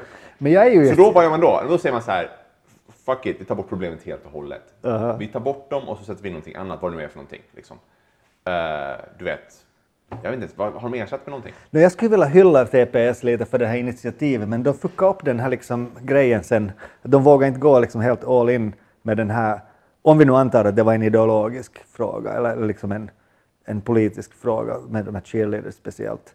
Så, så vad, vad de gjorde var ju att de inte gav dem sparken utan de försökte ändra på deras eh, arbetsbild så att de istället för att dansa lättklätt där så skulle de här tjejerna då liksom istället servera popcorn och, Mm, det var och, rimligt. och sådär. Är det? För det här är ju frågan om, som du säger, proffs, i, eller inte proffs, men, men liksom en hög nivå nej, vad jag av, av jag menar- idrott Nej, nej, självklart inte. Jag, men, jag menar liksom. inte att jag jämställer inte sakerna. Jag säger inte att liksom, det är inte så att om någon kom till mig och sa så här, Peter, fan det här med IT är ju, är ju kul, men det ska vi inte göra längre. Så Nej, kan du sälja öl istället? Ja, nej, då skulle jag förmodligen säga nej tack, jag, jag söker mig Exakt. Men Och så säger de, ja men det finns inga IT-jobb kvar här så att vad, jag menar är kanske att jag skulle kanske tycka att det var trevligare om en arbetsgivare gav mig alternativ än inom organisationen innan hon sa hej då. Mm. Så att det var liksom ren anständighet Mm. att säga att eh, vi kommer göra andra saker och ni står först i kön ifall ni skulle vara intresserade. För du Ja, det, var, har... det var väl så det, jag hoppas det presenterades Ja. på något sätt, men, men, men det där... Ja, så du- okej, så det är deadlock. Vad, vad, vad ska det där, vad ska cheerleaders göra då? Ja, bra fråga. Det Ja. finns ju liksom inte så mycket annat man kan göra. Nej. Det är ju en sport i sig som sagt. Det är ju, ehm, Det är ju det. Jag såg faktiskt, jag var faktiskt överraskad, för jag, jag satt och kollade på barnprogram. Eh, det finns någon barnprogram på SVT i Sverige som heter typ Alex provar hobby eller någonting sånt där. Och det är en eh, väldigt populär barnprogramledare i Sverige som provar olika sporter eller hobbyer. Eller någonting. Och ett program var just cheerleading som han provade. Eh, och nu råkar han vara gymnast i grunden, så han kunde verkligen vara med på det. Kul. Eh, Ja, och det, det är jätteskoj. Det De ser vara jätteroligt ut. Skitkul liksom. Ja. Så här tjejer i kanske, jag vet kan man vara 12-årsåldern kanske. Och sånt där, som gjorde såna här pyramider, hoppade och voltade. Liksom. Det är asimponerande. Så som sport är det ju säkert jättekul, men, men såklart, som du säger med konnotationer, alltså, problemet är ju att jag vet inte om jag skulle gå och kolla på cheerleading själv. Alltså, förstår du? Alltså, skulle man göra det? Självklart om min dotter gjorde det, då skulle man ju gå och kolla. Mm. Men liksom, det är svårt att se mig så här, du vet, eh, landskampen kom 60 000 människor på Olympiastaden och kollade på cheerleading. Mm. Så, så det, det, som det är upplagt så krävs det att det finns en annan sport som de deltar vid sidan om. Om vi ska ha 60 000 människor att se på cheerleading så är det män som måste göra det. Jag vet inte om du har rätt. Det är skämt Jag förstås. hoppas, jag hoppas Jag skämtar naturligtvis, men, men eh, om, om, ja, om, det, om det är en sport så, så, det där, så, så, är, det, så är det ju fan okej och, det, och, klä- och får man klä sig hur man vill. Jag menar, Mm. kortdistanslöpare har ju inga kläder på sig heller. Nej, det hoppas inte. Eller, och, eller skridskoåkare. Mm. Alltså vi talar ko- könsskrinning, vad kallas det, konståkning. Men där är ju utseendet en del av sporten. Ja, det kan man ju argumentera, men det finns ju också väldigt, väldigt tekniska grejer. Absolut, nej, jag menar inte att det bara är en del, men jag säger att det, Mm. det är en. Alltså, de, får ju, de får ju betyg på teknik och på, eh, vad heter det, vad kallar det för? Det finns, det finns ett ord för det till och med. Att de, Är det så? Ja, alltså de får ju två olika betyg. På något attraktionsnivå eller något Ja, sånt vad, där. vad det nu kallas, jag kommer inte ihåg. Ja, jag vet vad du menar, alltså utstrålning av något Ja, slag typ. något sånt Mm. ja. ja. Ja, det här, det här är också antagligen sådana frågor som det är bäst att inte sy- sylta in sig i allt för mycket för, för man har liksom rätt begrepp Mm. och, och, och, det där, och någon som faktiskt vet vad de pratar om Mm. Kring det här. Men, men äh, detta är alltså på gång i Åbo Mm. och, och nu väntar jag med iver på att se vad det innebär för deras äh, äh, tittarsiffror, för deras uh, brand value Mm. för annonsörer. Allt sånt. här. För de som först hör av sig är ju naturligtvis de här ogres från uh, Ja. förorten som, som det där. Samtidigt, om Som man inte tycker att någonting ska om man ska förändras. profilera sig så är det alltid bäst att vara först. Det är ungefär som att vara den, den första som bryter sig ut boyband. Det är Men- bra. Men var inte modigt av F- TPS? Jo, men jag menar det. Det är Ja. modigt. Det är modigt, absolut. Men jag menar också att det är ur PR-perspektiv så är det bra att vara först. Absolut, men tror du de också har, har det här, eh, gjort en riskanalys? Säkert. Det här är inte bara det att de har fått en ny VD dit som vill börja pröva lite nya grejer, liksom ideologiskt. Jag har, ingen, jag har ingen aning. Självklart kan det vara så, men jag hoppas att de har tänkt efter. Att det finns en, en, en liksom... För, ja, för, för att eh, jag till exempel är ju ett stort fan av sporten hockey, Mm. men, men jag, jag tycker inte om stämningen Nej. i ishallen. Eh, jag, menar, jag spelade hockey som liten, jag älskar ishallar och sånt. Mm. Men, men, eh, och det enda laget jag egentligen orkar gå på är då Vasa Sport som jag spelade junior för och sen IFK här i stan just på grund av, av den här liksom, du, man får svälja lite av den här maskulina Mm. Eh, vad ska säga, över, överdådigheten Mm. och sådär. Men de där förbannade nazisterna i publiken Mm. som, okej, de kanske inte heilar Mm. nödvändigtvis, men då jag vet att till exempel den här, eh, som, den här nassen som, som mördade eh, den här killen nere vid, vid järnvägsstationen Ja. för ett år sedan. Han är ju en, en, en av de här IFKs kärnsupportrar som står där och marscherar i varje led som står där och, och, liksom, och hurrar och skriker och sånt här. Det är liksom, det, det börjar kännas lite sunkigt. Och, jag, Ja. och jag har ingenting emot att driva ut liksom extremelementen ur ishallen. Nej. Och, men, men det där, och det är inte de jag är rädd för att ska liksom bli berövade sin sport. Jag tycker de ska bli berövade allt så Mm. länge de beter sig på det här viset och har, har de där värderingarna de har. Mm. Eh, Utan, utan det är de här liksom, på något sätt de här vanliga killarna som bara liksom Mm. vet du, fastnar i det här. Men det kanske är dags att skola om dem också Mm. till, till, moderna, till moderna tiden. Jag, tror, jag tror att det kanske inte man ska tycka så synd om dem. Nej, alltså jag tror att de, de, de är offer på just, jag tror att det är en marknadsfråga. För att om man tittar på just, alltså, man måste komma en ny publik hela tiden. Och yngre människor tenderar att vara mer progressiva, mer liksom, det, det är inte så kul. Jag tycker samma som du. Jag tycker inte heller så kul. Liksom. Den aggressiva stämningen, det är inget roligt. Liksom. Mm. Ja, och jag inbillar mig att den yngre publiken tycker samma sak. Eh, och jag tror, att- jag tror att det är någonting som eh, flera sporter, alltså även fotbollen till exempel, har förmodligen samma, brottas med samma problem. Liksom. Mm. Det är lite ny publik, nya arenor, ny liksom... Alltså nu, ja, nu när du nämner sport. fotboll så, så inser jag att vad jag håller på är att försvara huliganerna på, på, på 80-talet i England. Mm. Vi kan inte beröva dem deras sport. Nej. Liksom. Där kan man det kan man ju titta på följden. Exakt där kan man titta på följden. Vad som hände om man berövar dem sporten. Att då blir det som i Det England. blir en tillströmning, ja. Ja, och Ja. då sitter det japaner där på läktaren till slut. Eh, och det kanske inte heller är positivt i och för sig då. Det- Ja. folk som folk, de som köper, Ja. köper liksom. Ja, nej, du vet vad jag menar. Ja. Alltså det, blir ju, det, det är inte längre en fotbollspublik som den, man är van vid den. Det är inte den här sjungande, Nej. eh, om man ser den positiva stereotypen, så finns ju den inte kvar på samma sätt längre. Nej, men kan man, okej, jag försöker ännu med ett argument Mm. eh, hålla kvar uh, hockeyn och sporten i det här grottmänniskostadiet. Likheterna mellan nationalism och fankultur Mm. är ju uppenbara. Ja. Man sjunger såna sånger om blod och död och liksom, vet du, jag ska leva och dö för flaggan och färgerna och allt det här. Det är ju en ett i ett kopia av, av nationalismen från 1800-talet. Ja. Hjälper den att stävja sådana här stämningar eller är det en katalysator? Är det ett utlopp för sådana stämningar så att de inte rinner över i politiken? Eller är det så att vi, om, vi, om vi stänger det inom sport, den här liksom, tar bort de nationalistiska och liksom sådana här extremelementen i fankulturen, kommer det att eh, leda till något gott politiskt? Jag tror, ja. ja Och är det ens en relevant fråga? Eh, Jag tycker det är en relevant fråga. Tack. Vad Du kan du? fortsätta. Vad tycker du? det kan hända att jag, att jag drar parallellerna för långt. Nej, men jag Men, men, jag, nej, men jag, jag tänker mig att, att eh, jag, jag, tror, min hunch, och det här baserar jag inte på någon forskning, men min hunch är att om du tillåter de här uh, blod runt båden uh, grejerna inom, inom hockeyn så är de mer tillåtna också ute på gatan. Exakt min tanke också. Jag tänkte att du skulle säkert tänka så, för du, liksom, du tänker oftast rätt. Vet du? Så jag, jag, jag försöker alltid komplicera det och vända det på det, men det kanske liksom... Nej, men för, om man tittar på, eh, jag, brukar, jag brukar roa mig med att och, och, och titta på Twitter eh, bland annat eh, under fotbollsmatcher i Stockholm när det är oroligheter på stan. Eh, och då är det just det, exakt det som händer. Att du, och du ser det att, det att eh, de som ogillar fotboll, eller hockey för den delen, eh, de undrar vad fan är det som håller på, vad händer? Ja. Du vet, jag, min, min stad, min yta begränsas. Ehm, Du vet, jag kan inte åka tunnelbana just nu för att den är avstängd. Eller du vet, de har spärrat av Medborgarplatsen, vad fan är det för någonting. Eh, och just där tycker jag man kan göra kopplingen till, okej, men titta, dra det längre. Alltså är det rimligt att eh, fotbollsklubbar och, och hockeyklubbar är ju, är ju företag. Och de vill ha publik och de vill ha tv-publik och de vill ha liksom positiv marknadsföring.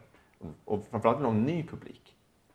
Och det gör ju att man stänger ute så extremt stora delar av, av alla som skulle kunna komma genom att dra till sig de här elementen som skapar oro. Och det kan mycket väl vara en minoritet. Och det kan mycket väl vara så att vissa i publiken eh, är det här väldigt positivt för. Just en, en plats där de kan få utlopp för känslor som de inte kan få annars. Och, och då kan de gå och se på fotboll i två timmar och sen kan de komma hem och så är de nöjda så. De behöver inte bråka, behöver inte slåss. Självklart. Det är bara, det är bara en gemenskap som man inte kan få någon annanstans. Men problemet är att det är också ett jävla fringe-element eh, som inte sällan är fler än man skulle kanske önska. Eh, som, som stänger ut alla andra. Ju. Som du säger, inklusivitet finns ju inte där. Eh, man, kan, man kan ju stångas till döds liksom, med folk om, att, om huruvida det är ett verkligt problem att folk slåss på fotbollsmatcher eller inte. Det finns ju massa folk som försvarar och tycker att det, det är inget stort problem och, och det är bara överdrivs av media och, och polisen vet, är jävla dumma som slåss med batonger. Så länge det inte drabbar någon oskyldig. Ja, eh, men faktum är ju att det skapar negativ publicitet och jag tror på lång sikt det är ett problem. Och där tror jag faktiskt exakt den slutsatsen drog de i England. Det skapar för stora problem. Det går inte att tjäna pengar på det här, eh, om man är cynisk. Så, och då, vad gör man? Jo, man tar bort ståplats, man du vet, marknadsför på ett annat sätt, in med barnfamiljer, in med turister. Och du får en helt annan publik och en helt annan liksom, Och säkert uh, mera pengar i det, högre kvalitet på, på själva produkten. Vad, vad tror du händer då med, med de här uh, ska säga, fringerna? Är det, jag menar, det kan ju också hända att... att, att Avenyn idag. ja, exakt. Ja. Och det var väl inte ändå så där jättemånga ändå, sen, tänker jag mig. Och, och jag menar, vi, vi blåser ju upp det alltid när de kommer med sina uniformer och sånt. Just på grund av... Skulle, skulle det ha varit 80 uh, svartklädda uh, vad ska jag säga, rödgardister av något slag så kanske det, det skulle ha varit mindre. Då är man sådär, okej, de vill krossa kapitalet antagligen, vet du. Fuck that. Vet du. Nu är de här vill krossa demokratin och, och invandringen och sånt här. Så det är, nåja, shit samma. Men, men, men ja, jag, jag, tror att, jag tror att du har övertalat mig i den här frågan och, jag ska inte tycka, tycka så jättesynd om människor som inte lyckas eh, ställa sig på rätt sida om historien, Nej, vilket vi nej. talar om De, faktiskt. Är, de får Kings båge och, och rätt sida om historien. rätt sida och hänga. På tal om rätt sida om historien, Mm. uh, om jag får fortsätta, uh, så, så uh, finns det nu ett förslag att, uh, vi- också med tanke på inklusivitet, en, en öppning från uh, professor Arto Kalloniemi. Han är uh, professor i, i, uh, komparativ religionsvetenskap, säger att uh, vi måste sluta undervisa religion eh, i skilda grupper för skilda religiösa inriktningar Okej, i skolan. Det där gör man inte i Sverige. Det är ju en finsk grej. Ja, ni är det. Ni har alla i samma? Eller? Ja. Okej. För här är det ju så att om du är katolik så får du privatundervisning, om du är ortodox får du privatundervisning. Är du lutheran så sitter du med alla de andra 80 procent av lutheranerna. Är du ateist så får du livsåskådning. Och allt det här sker i skilda klassrum och man kommer inte i kontakt med någonting. Och nu har vi ju dessutom det muslimska elementet som blir mer prominent i skolorna.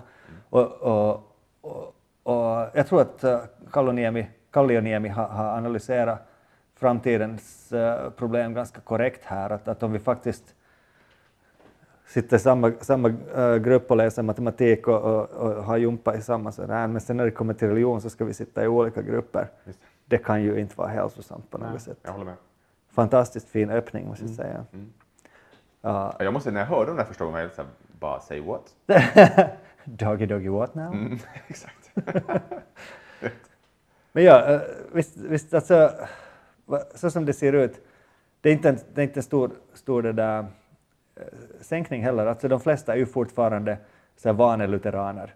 I, eh, I skolan eh, så, så är det nu situationen den att 89,2 procent sitter på, på den här evangelisk-lutherska religionsundervisningen. Och uh, uh, det som har ökat allra mest är faktiskt livsåskådning, alltså det ateistiska.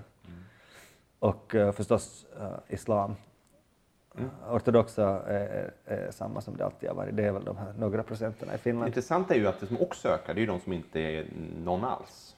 Alltså den Ja. ateistiska skaran.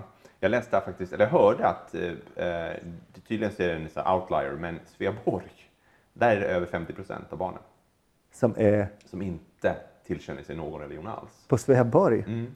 På den här lilla ön utanför stan. Så, eh, så, eh, och det, det tror jag, jag tror inte att det är någon som är där, men tydligen finns det, eh, det blir fler och fler och fler som inte gör det. Vilket naturligtvis är ett sätt att slippa gå på lektioner, om man är cynisk. Men, eh, men också säger ju någonting om samhället. Att det, den gruppen växer också. Ja, absolut. Ja, det tror jag också. Det, det måste jag ju göra. Mm. Jag menar, det, det är ju ditåt Kings båge pekar, hur kristen han än var, skulle jag säga. jo men det så är det nog. Ja, om, om vi nu tolkar det ur vårt perspektiv. Ja.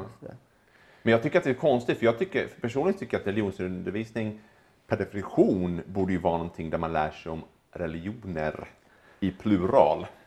Ja, det gör man ju på åttan. Mm, Okej. Mm. Uh, uh, uh, det, det är liksom explicit i läroplanen. Det här vet jag för att jag har varit lä- religionslärare. Och, och då tog jag mina, mina elever ut till alla de olika kyrkorna och, och vad det fanns i stan. Och för, just för, för att bara se, hur ser det ut här? Hur ser det, ni har säkert aldrig varit inne i, i den katolska kyrkan, ni har säkert aldrig varit inne i ortodoxa kyrkan, ni har inte säkert heller be- besökt de här synagogan eller, eller det muslimska, vad det nu var, det var inte moské, var det en moské som var till? Anyway, spelar ingen roll. Problemet här är inte, alltså det, det här är ju någonting som säkert understöds i huvudstadsregionen av de flesta, att slå ihop grupperna, man lär sig om varandra och sånt här. Uh, sen, sen liksom försöker man göra det här till ett problem. Ja, men det är bara i, i huvudstadsregionen som det finns andra än, uh, än lutheraner. Liksom. Så är det ett problem då? Jag ser inte problemen nödvändigtvis. jag menar, du säger, ja, ja, men det finns inte några andra, det här, det här reformen är på något sätt onödig. Uh, För, för, att den, så för, att- den inte, för att det finns ingen liksom tillämpning för det där uppe i bibelbältet. Men ingen tillämpning för vad? Att man skulle lära sig om andra religioner? Nej, men att man sitter i samma grupp. Jaha, men så. Eh, men okej. För där hade ju det problemet Ja. att de har liksom 18 olika lutheranska grupper. Ja. Och så vet jag inte vem som får vara med om vad. Vet du, sån här, du har Jehovas vittnen och du har, Men, men du har lestadianer sitta- och alla de här. poängen liksom. med att sitta isolerat måste vara att man lär sig i huvudsak om sin egen religion. Ja, ja. Och så, Då kan ju mitt motargument vara att speciellt där det inte finns andra religioner Ja. bör man lära sig om andra religioner. Det skulle man kunna tycka. För det, det, vore en, det är ju är en konstig grej annars. Man säger liksom att... Det är ju som att säga att "Ah, okej, fair enough. Folk har olika åsikter om det här. För, ja, det kommer att ha det här, jag menar, ändringar i, i läroplanen brukar ju inte vara så jättesnabba att föra igenom heller. Är inte så lätt förstås. Nej, och, och, Och det är, och den jag, kristna, jag förstår att folk har väldigt mycket åsikter om det. ja, den kristna centerpartisterna är väldigt starka också. Mm. Så, så, så att, eh, vi kanske inte ska hålla andan och, och vänta på det här med uh, verkligen för den här öppningen. Alltså, jag, tycker det är jättefint att man skulle liksom, för, för, också för att det, det tar bort den här heligheten ur det. Det är förstås, Ja. det är ju för. Alltså, Ja. du, du måste, jag är ju antireligiös, det har jag sagt många gånger. Alltså, jag är liksom mot religioner helt enkelt. Ja, alltså, det, jag tycker att religionsundervisning ska vara teologisk, inget annat. Eller rimligt. komparativ, Ja, komparativ uh, religionsvetenskap. ja, det också naturligtvis. Men just att liksom, det finns, alltså, om jag går till religionsundervisning eller, eller sänder mina barn dit så vill jag att de ska lära sig vem Jesus var, inte vad han sa. Om du förstår skillnaden. Och liksom, eller självklart vad han sa också, men, men förstår vad jag menar? Alltså det, det liksom, jag, jag, jag har inget behov av att de ska liksom bli frälsta i skolan.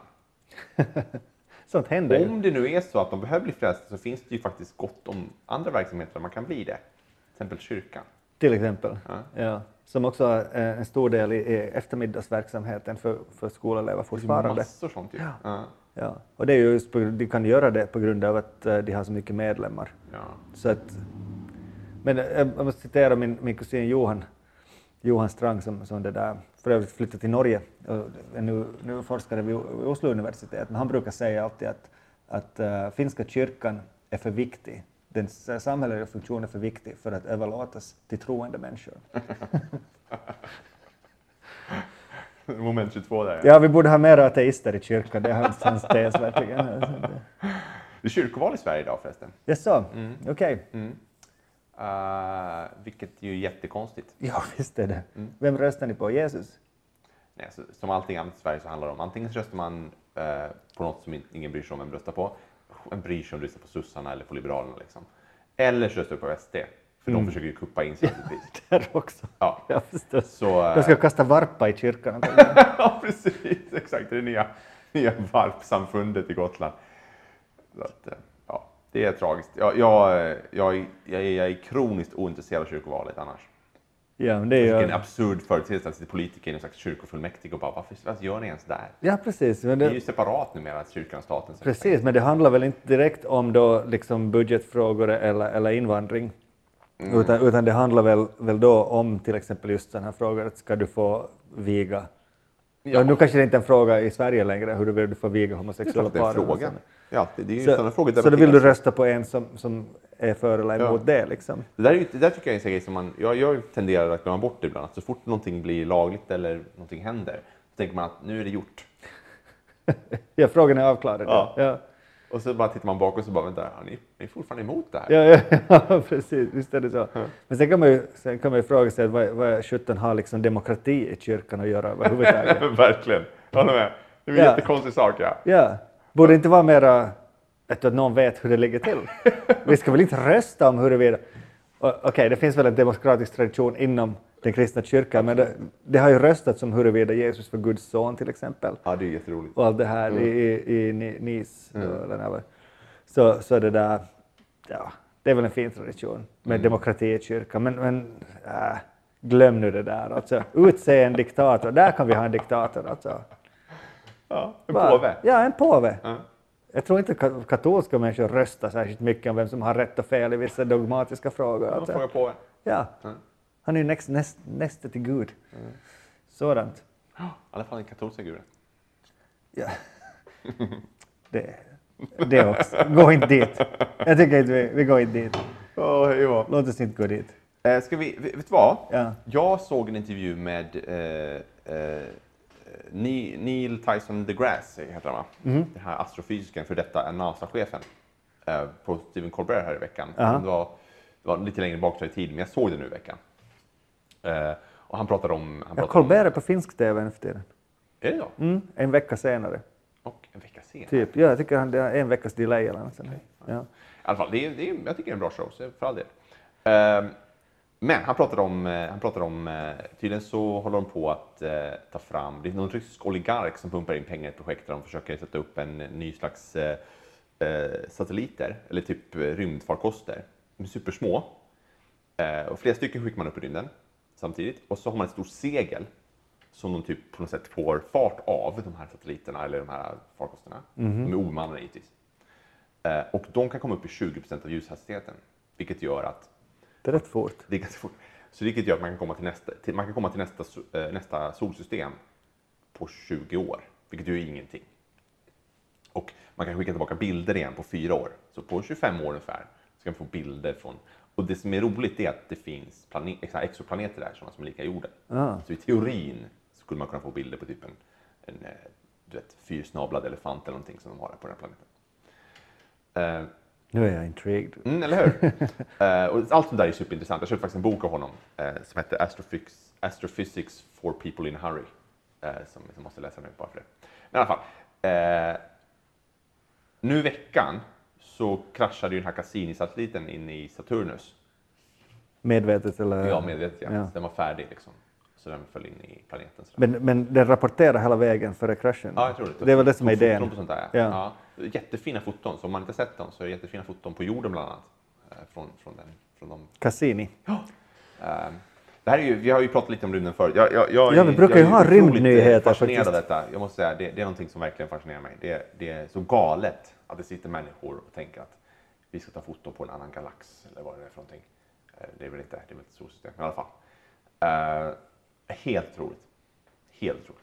Sunt, sunda perspektiv. Verkligen. Ja. Verkligen. Man tittar på liksom så här, har vi råd att bygga barnsjukhus till Helsingfors? Så bara, oh, har vi råd att skicka liksom 20, alltså helt sjukt. Vi har ju råd med vad som helst. Det är bara, Helt uppenbart. så är det nog. Det här... eh, Mm, jag försöker hitta, hitta det här, en, en nyhet som, som jag hade fastnat för som kom idag. Mm. Jo, och nu är vi igen tillbaka i det här tänkte säga, förbannade träsket av, av rättvisefrågor och, och jämställdhet och likställdhet och allt det här. Mm. Jämlikhet, förlåt, inte likställdhet. Uh, den finska tidningen Aamulehti tänker slopa uh, könsbundna titlar som är väldigt vanliga i, Ja, i, det där, ja. i finska språket. Just det. Till exempel uh, riksdagens talman Mm. blir uh, riksdagens ordförande i deras språk. De på eget bevåg tänker alltså dumpa den här termen talman. Mm. Och uh, det gäller också andra tjänsteman och vad det finns, lagman och så vidare och så vidare.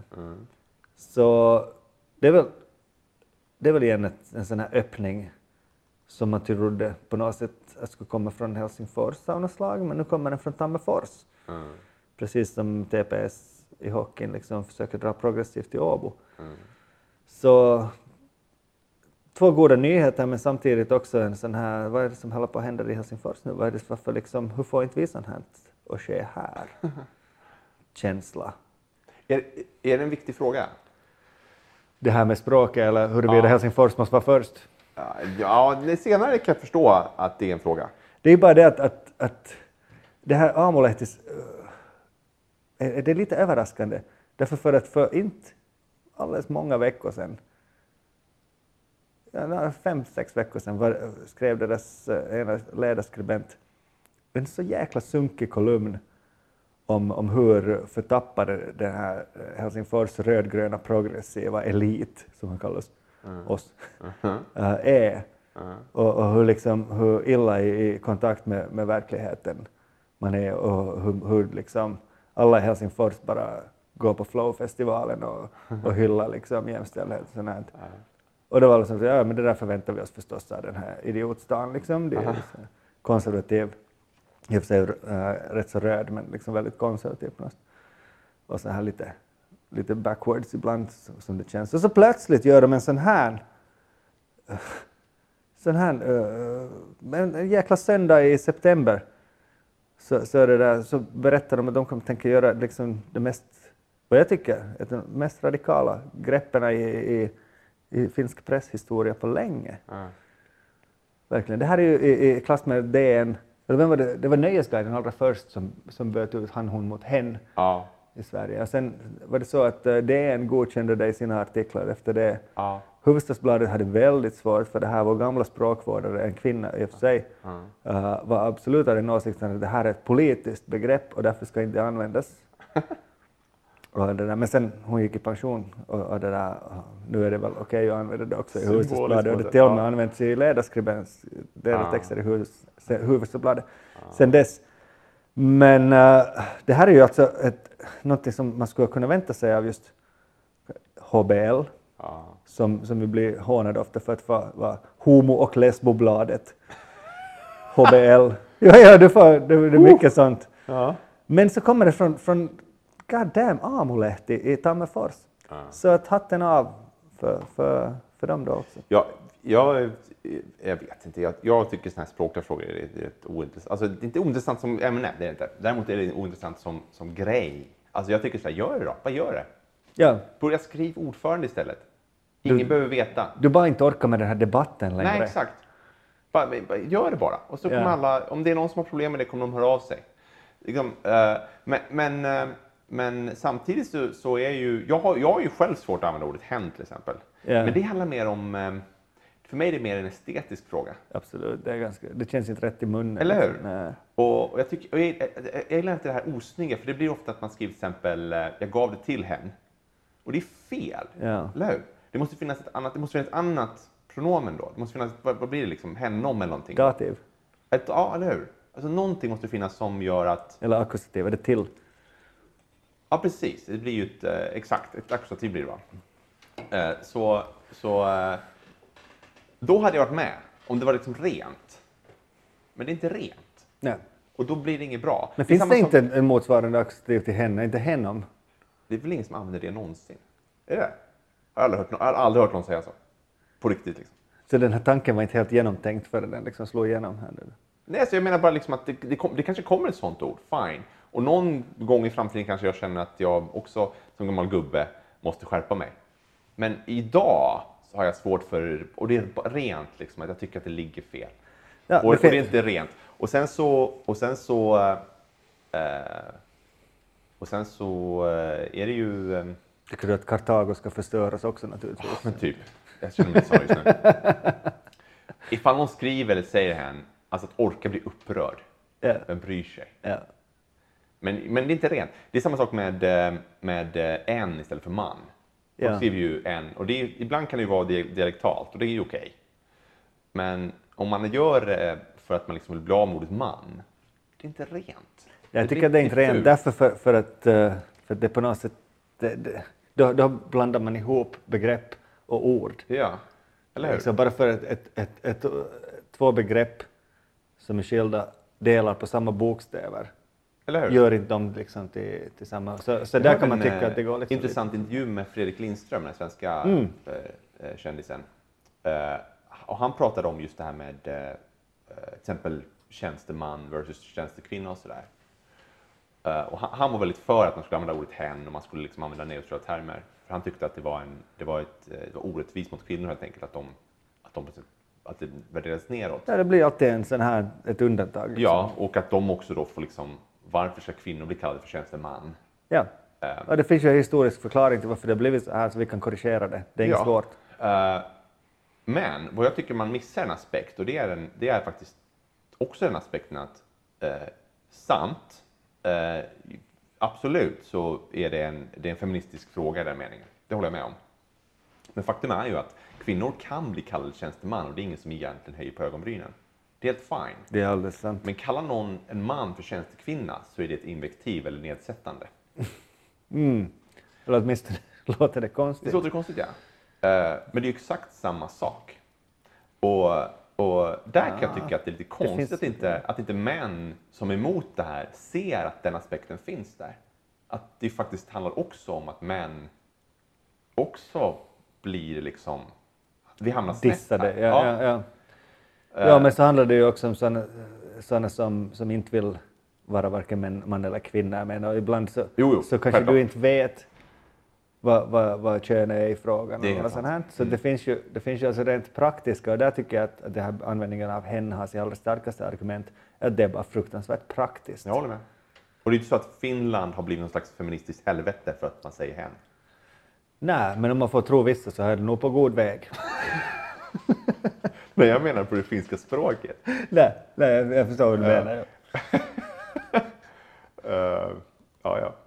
Men ja, sådant. Så, så det var alltså Amolehtis nygiv. Nu får, Mm. nu får vi se hur, Intressant. Ja, vi får se. Det, alltså det som jag tycker är radikalt här är ju inte nödvändigtvis det att, att, att, att du inför hen. Det, alltså det här är, är mer radikalt än att införa ett hen i svenskan. För att här tar du faktiskt eh, och utmanar alltså så här begrepp som talman som, som, liksom, som är fastslagna i riksdagen Mm. sedan 1917 Mm. antar jag. Det heter ju faktiskt riksdagens talman. De säger ju så. Ja, riksdagens talman Hanna Lohela, hon är kvinna alltså idag. Och det, Osan Janar, alltså den här gröna ledamoten, uh, tweetade om det här också och sa att han alltid tyckt att det är jättekonstigt. Uh, jag vet inte, finska är väl inte hans första språk, så, så då kommer du ju in i det uh, på ett, på ett liksom mer, ska säga, kritiskt och, och nyfiket sätt kanske.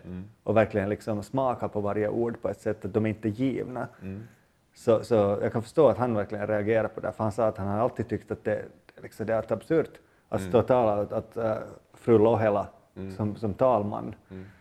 Sen kan jag ju tycka också, som du säger också, att, att talman låter bara som en titel, alltså man tänker inte ens på att det har med man att göra, men, men det, det är klart det har, just om man vänder på det, alltså talkvinna och det här. Jag tycker, nu missade ju, det kommer ju aldrig ut i etern, men det var det här med finländare och finnar, kommer du ihåg det pratade om? för Ja, det är sant. Ja, ja, ja. Eh, att, att plötsligt så var det någon i Sverige som reagerade på att någon sa finne. Det var Kajsa Bergqvist som under Finnkampen Exakt. hade sagt att finnarna äh, gjorde så och så eller vad var det? Och, sådär. och så hade någon varit "Ja, du får inte kalla dem för finnar för att de är... Och, så blev det lite... Ja, man säger finländare. Liksom. Och eh, det, det var ju min reaktion var exakt den här bara, gamla gubbereaktionen. Bara, helvete. Och jag tycker fortfarande att det där var larvigt, det ska jag understryka. Men jag tror att återigen, det är bara så här att som alla de här grejerna med talman och liksom istället, man säger ordförande istället. Det är bara att svälja. Det är så här det blir. Och om man reagerar instinktivt med att det här är larv så bör man ta en tankeställare igen. Räkna till tio för att tweeta. Exakt. Så, du, vi börjar närma oss våra 90 minuter och övertid, men, men äh, jag måste ta upp en skandal ännu som, som, som skett här i, när riksdagen nu kom på tal. det är alltså så att äh, av kutym och dålig vana har finska riksdagen aldrig publicerat listor på vem som kommer dit och träffar riksdagsledamöter, det vill säga lobbare. Det finns inga lobbarlistor i finska riksdagen. Uh, det här blev en, en issue naturligtvis. Uh, förvaltningsdomstolen dömde att jo, de här listorna ska vara offentliga. Det låter ju jätterimligt. Alla, besö- eller hur? Alla besökare i riksdagen, och det här vet jag för att jag har sprungit av och in, under- ut och in där i, jobbärenden många gånger, så skriver sitt namn, får ett besökarpass. Så du, du har liksom fullständig koll konstant vem, vem som kommer dit. Nu är det några år sedan jag var där och jag, var, vad jag vill minnas så var det faktiskt alltså analoga pappers och pennlistor fortfarande som gällde. Det var inte en, en databas alltså, där du skulle med ditt ID-kort registrera dig, vilket jag tyckte var konstigt redan då för flera år sedan. För att jag tänkte ju redan då att okej, att nu syns mitt namn, vet du, nu har jag, vet du, om någon journalist eller vem som helst vill kolla vem som har besökt riksdagen den här dagen, så kommer de att se dem. Och du kommer alltid att se de samma namnen där. Du kommer att se de journalister som jobbar i riksdagen och du kommer att se dem, vet du, som nu annars också hänger där dag ut och dag in. Men sen har du de här udda namnen som ibland dyker upp där. Du, liksom, du kommer inte in i riksdagen bakvägen. Det finns bara en ingång. Och där alla måste gå igenom. Och det är upp för den här jäkla trappan som är jäkla jobbig att ta sig upp för. Jag älskar, jag älskar symboliken med den här trappan. Ja, visst är det. Ja, ja. Ja, Här, härlig byggnad på många sätt också. Den har sin egen historia, varför den ser ut så där också. Men det, glöm det för, för tillfället. Vad som hände sen när Högsta domstolen, eller förlåt, förval- förvaltningsdomstolen dömde att de här listorna ska vara offentliga, så började, uh, började de förstöra listorna varje dag. De bara gjorde sig av med dem. Ja, Så okej, här är listan på vem som var här idag. Nu destroyar vi den. Så de tog liksom bokstavligt, man måste göra listan, man måste inte behålla listan. Man måste, nej, man måste göra en lista tydligen, men man behöver inte. Och den är offentlig, men den existerar inte. Nej. Så de liksom gick förbi det här. Och jag undrar vem fan det är som auktoriserar detta Ja. i riksdagen. I, fin, i, I världens minst korrumperade land. Jag förstår inte ens, jag förstår inte ens vad man försöker dölja. Varför skulle man, vad, vad är problemet? Lobbare. Tror du det? Jag kan inte säga någonting annat. Jag kan, jag kan inte säga någonting annat. Varför, varför kan du inte... Vet du, vad är det att skämmas för om din gamla mormor har varit och hälsat på dig på jobbet om du är riksdagsman? Ja. Ja, okej. Ja, vad kan det annars vara? Vet du, din älskarinna eller något sånt här som du inte vill att ska synas där? Det står inte vad man gör, det står bara namn. det står väl inte vad man gör bakom lyckta dörrar i, i riksdagens, eh, eh, vad heter det, ledamotens arbetsrum på soffan där. Nej, det, det, det gör det ju inte. Men, och, om, jag menar, Finland är ett väldigt litet land och, och vi vet vem som till exempel lobbar för Nordea Ja. i det här landet. Ja. Så Ja, jo, för för all del. det är klart ja. att de vill dölja det liksom. Ja, ja, okej. Ja. Eller är det så att de har varit så jäkla dåliga på, på att bevaka vem som kommer och går där, Ja, ja. på grund av, så att de inte täcks liksom göra det offentligt. Är det så att de här, de här papperslistorna på riktigt är liksom så här, ja, nu, skriv nu Kalle Anka dit vet du, när du kommer in eller något sånt där. Ja, Att, det där, är det så att de här, de här vaktmästarna på riktigt är så jäkla lata att de inte tar det här jobbet på allvar och verkligen övervakar vem som kommer in och går i Nej, riksdagen? det är helt sjukt. Alltså jag förstår, alltså Men verkligen. det finns inget bra svar på varför man inte svar. publicerar dem och man dessutom fucking gör sig av med dem för att slippa publicera dem. Det här kom ju fram för att svenska YLE för, för det här tre år sedan alltså, vi- ville, ville ta, vi hamnade i en, en, om jag minns rätt så var det en fejd om att de hade påstått att de här och de här har besökt riksdagen för, för lobbnings, i lobbningssyfte och då sa de att nej det har vi inte och då krävde de listorna. Offentliga vid riksdagen vägrade publicera dem så, så de tog det till förvaltningsdomstolen, förvaltningsdomstolen sa naturligtvis att, att YLE har rätt, de ska ha de här listorna, men då fanns inte listorna kvar för de är förstörda. Och, och nu har det blivit då tydligen kutym att förstöra listorna varje kväll.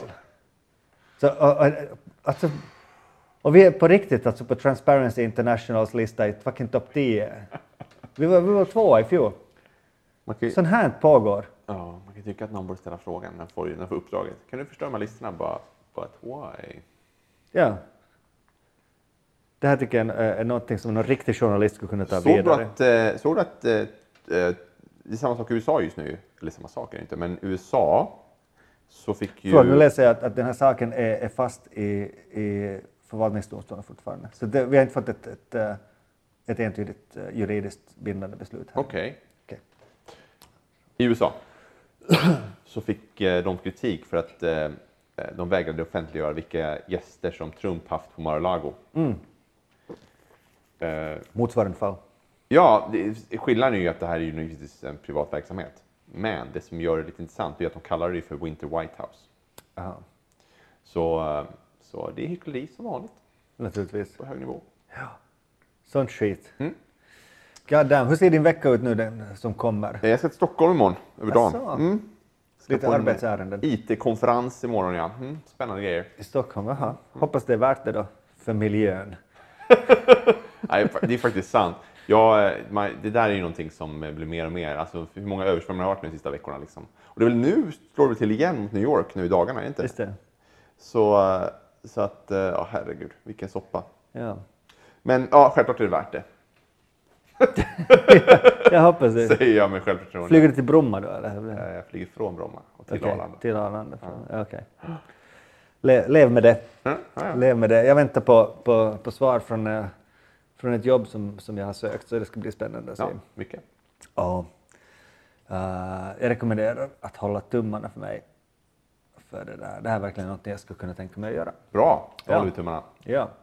Så um, var ligger vi? Vi är på 37, en timme och 37 minuter. Okej, ja, men då kanske det är dags att runda av. Ja, Ja. ja det, det känns som att det har funnits mycket att prata om här. Och, Ja. sådär. Ja, och eh, ja, och så hoppas vi att ljudet har hållit så här långt. det hoppas vi.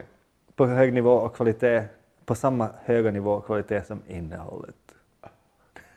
Right. Tack för att ni har lyssnat om ni var med så här långt och eh, då hörs vi antagligen om en vecka igen och har uh, mera nyheter att berätta, analysera och dissekera. Jag heter Janne Strang Jag heter Peter Törnroth. och vi är två nollor för mycket. Tack så jättemycket. Hej! Hej.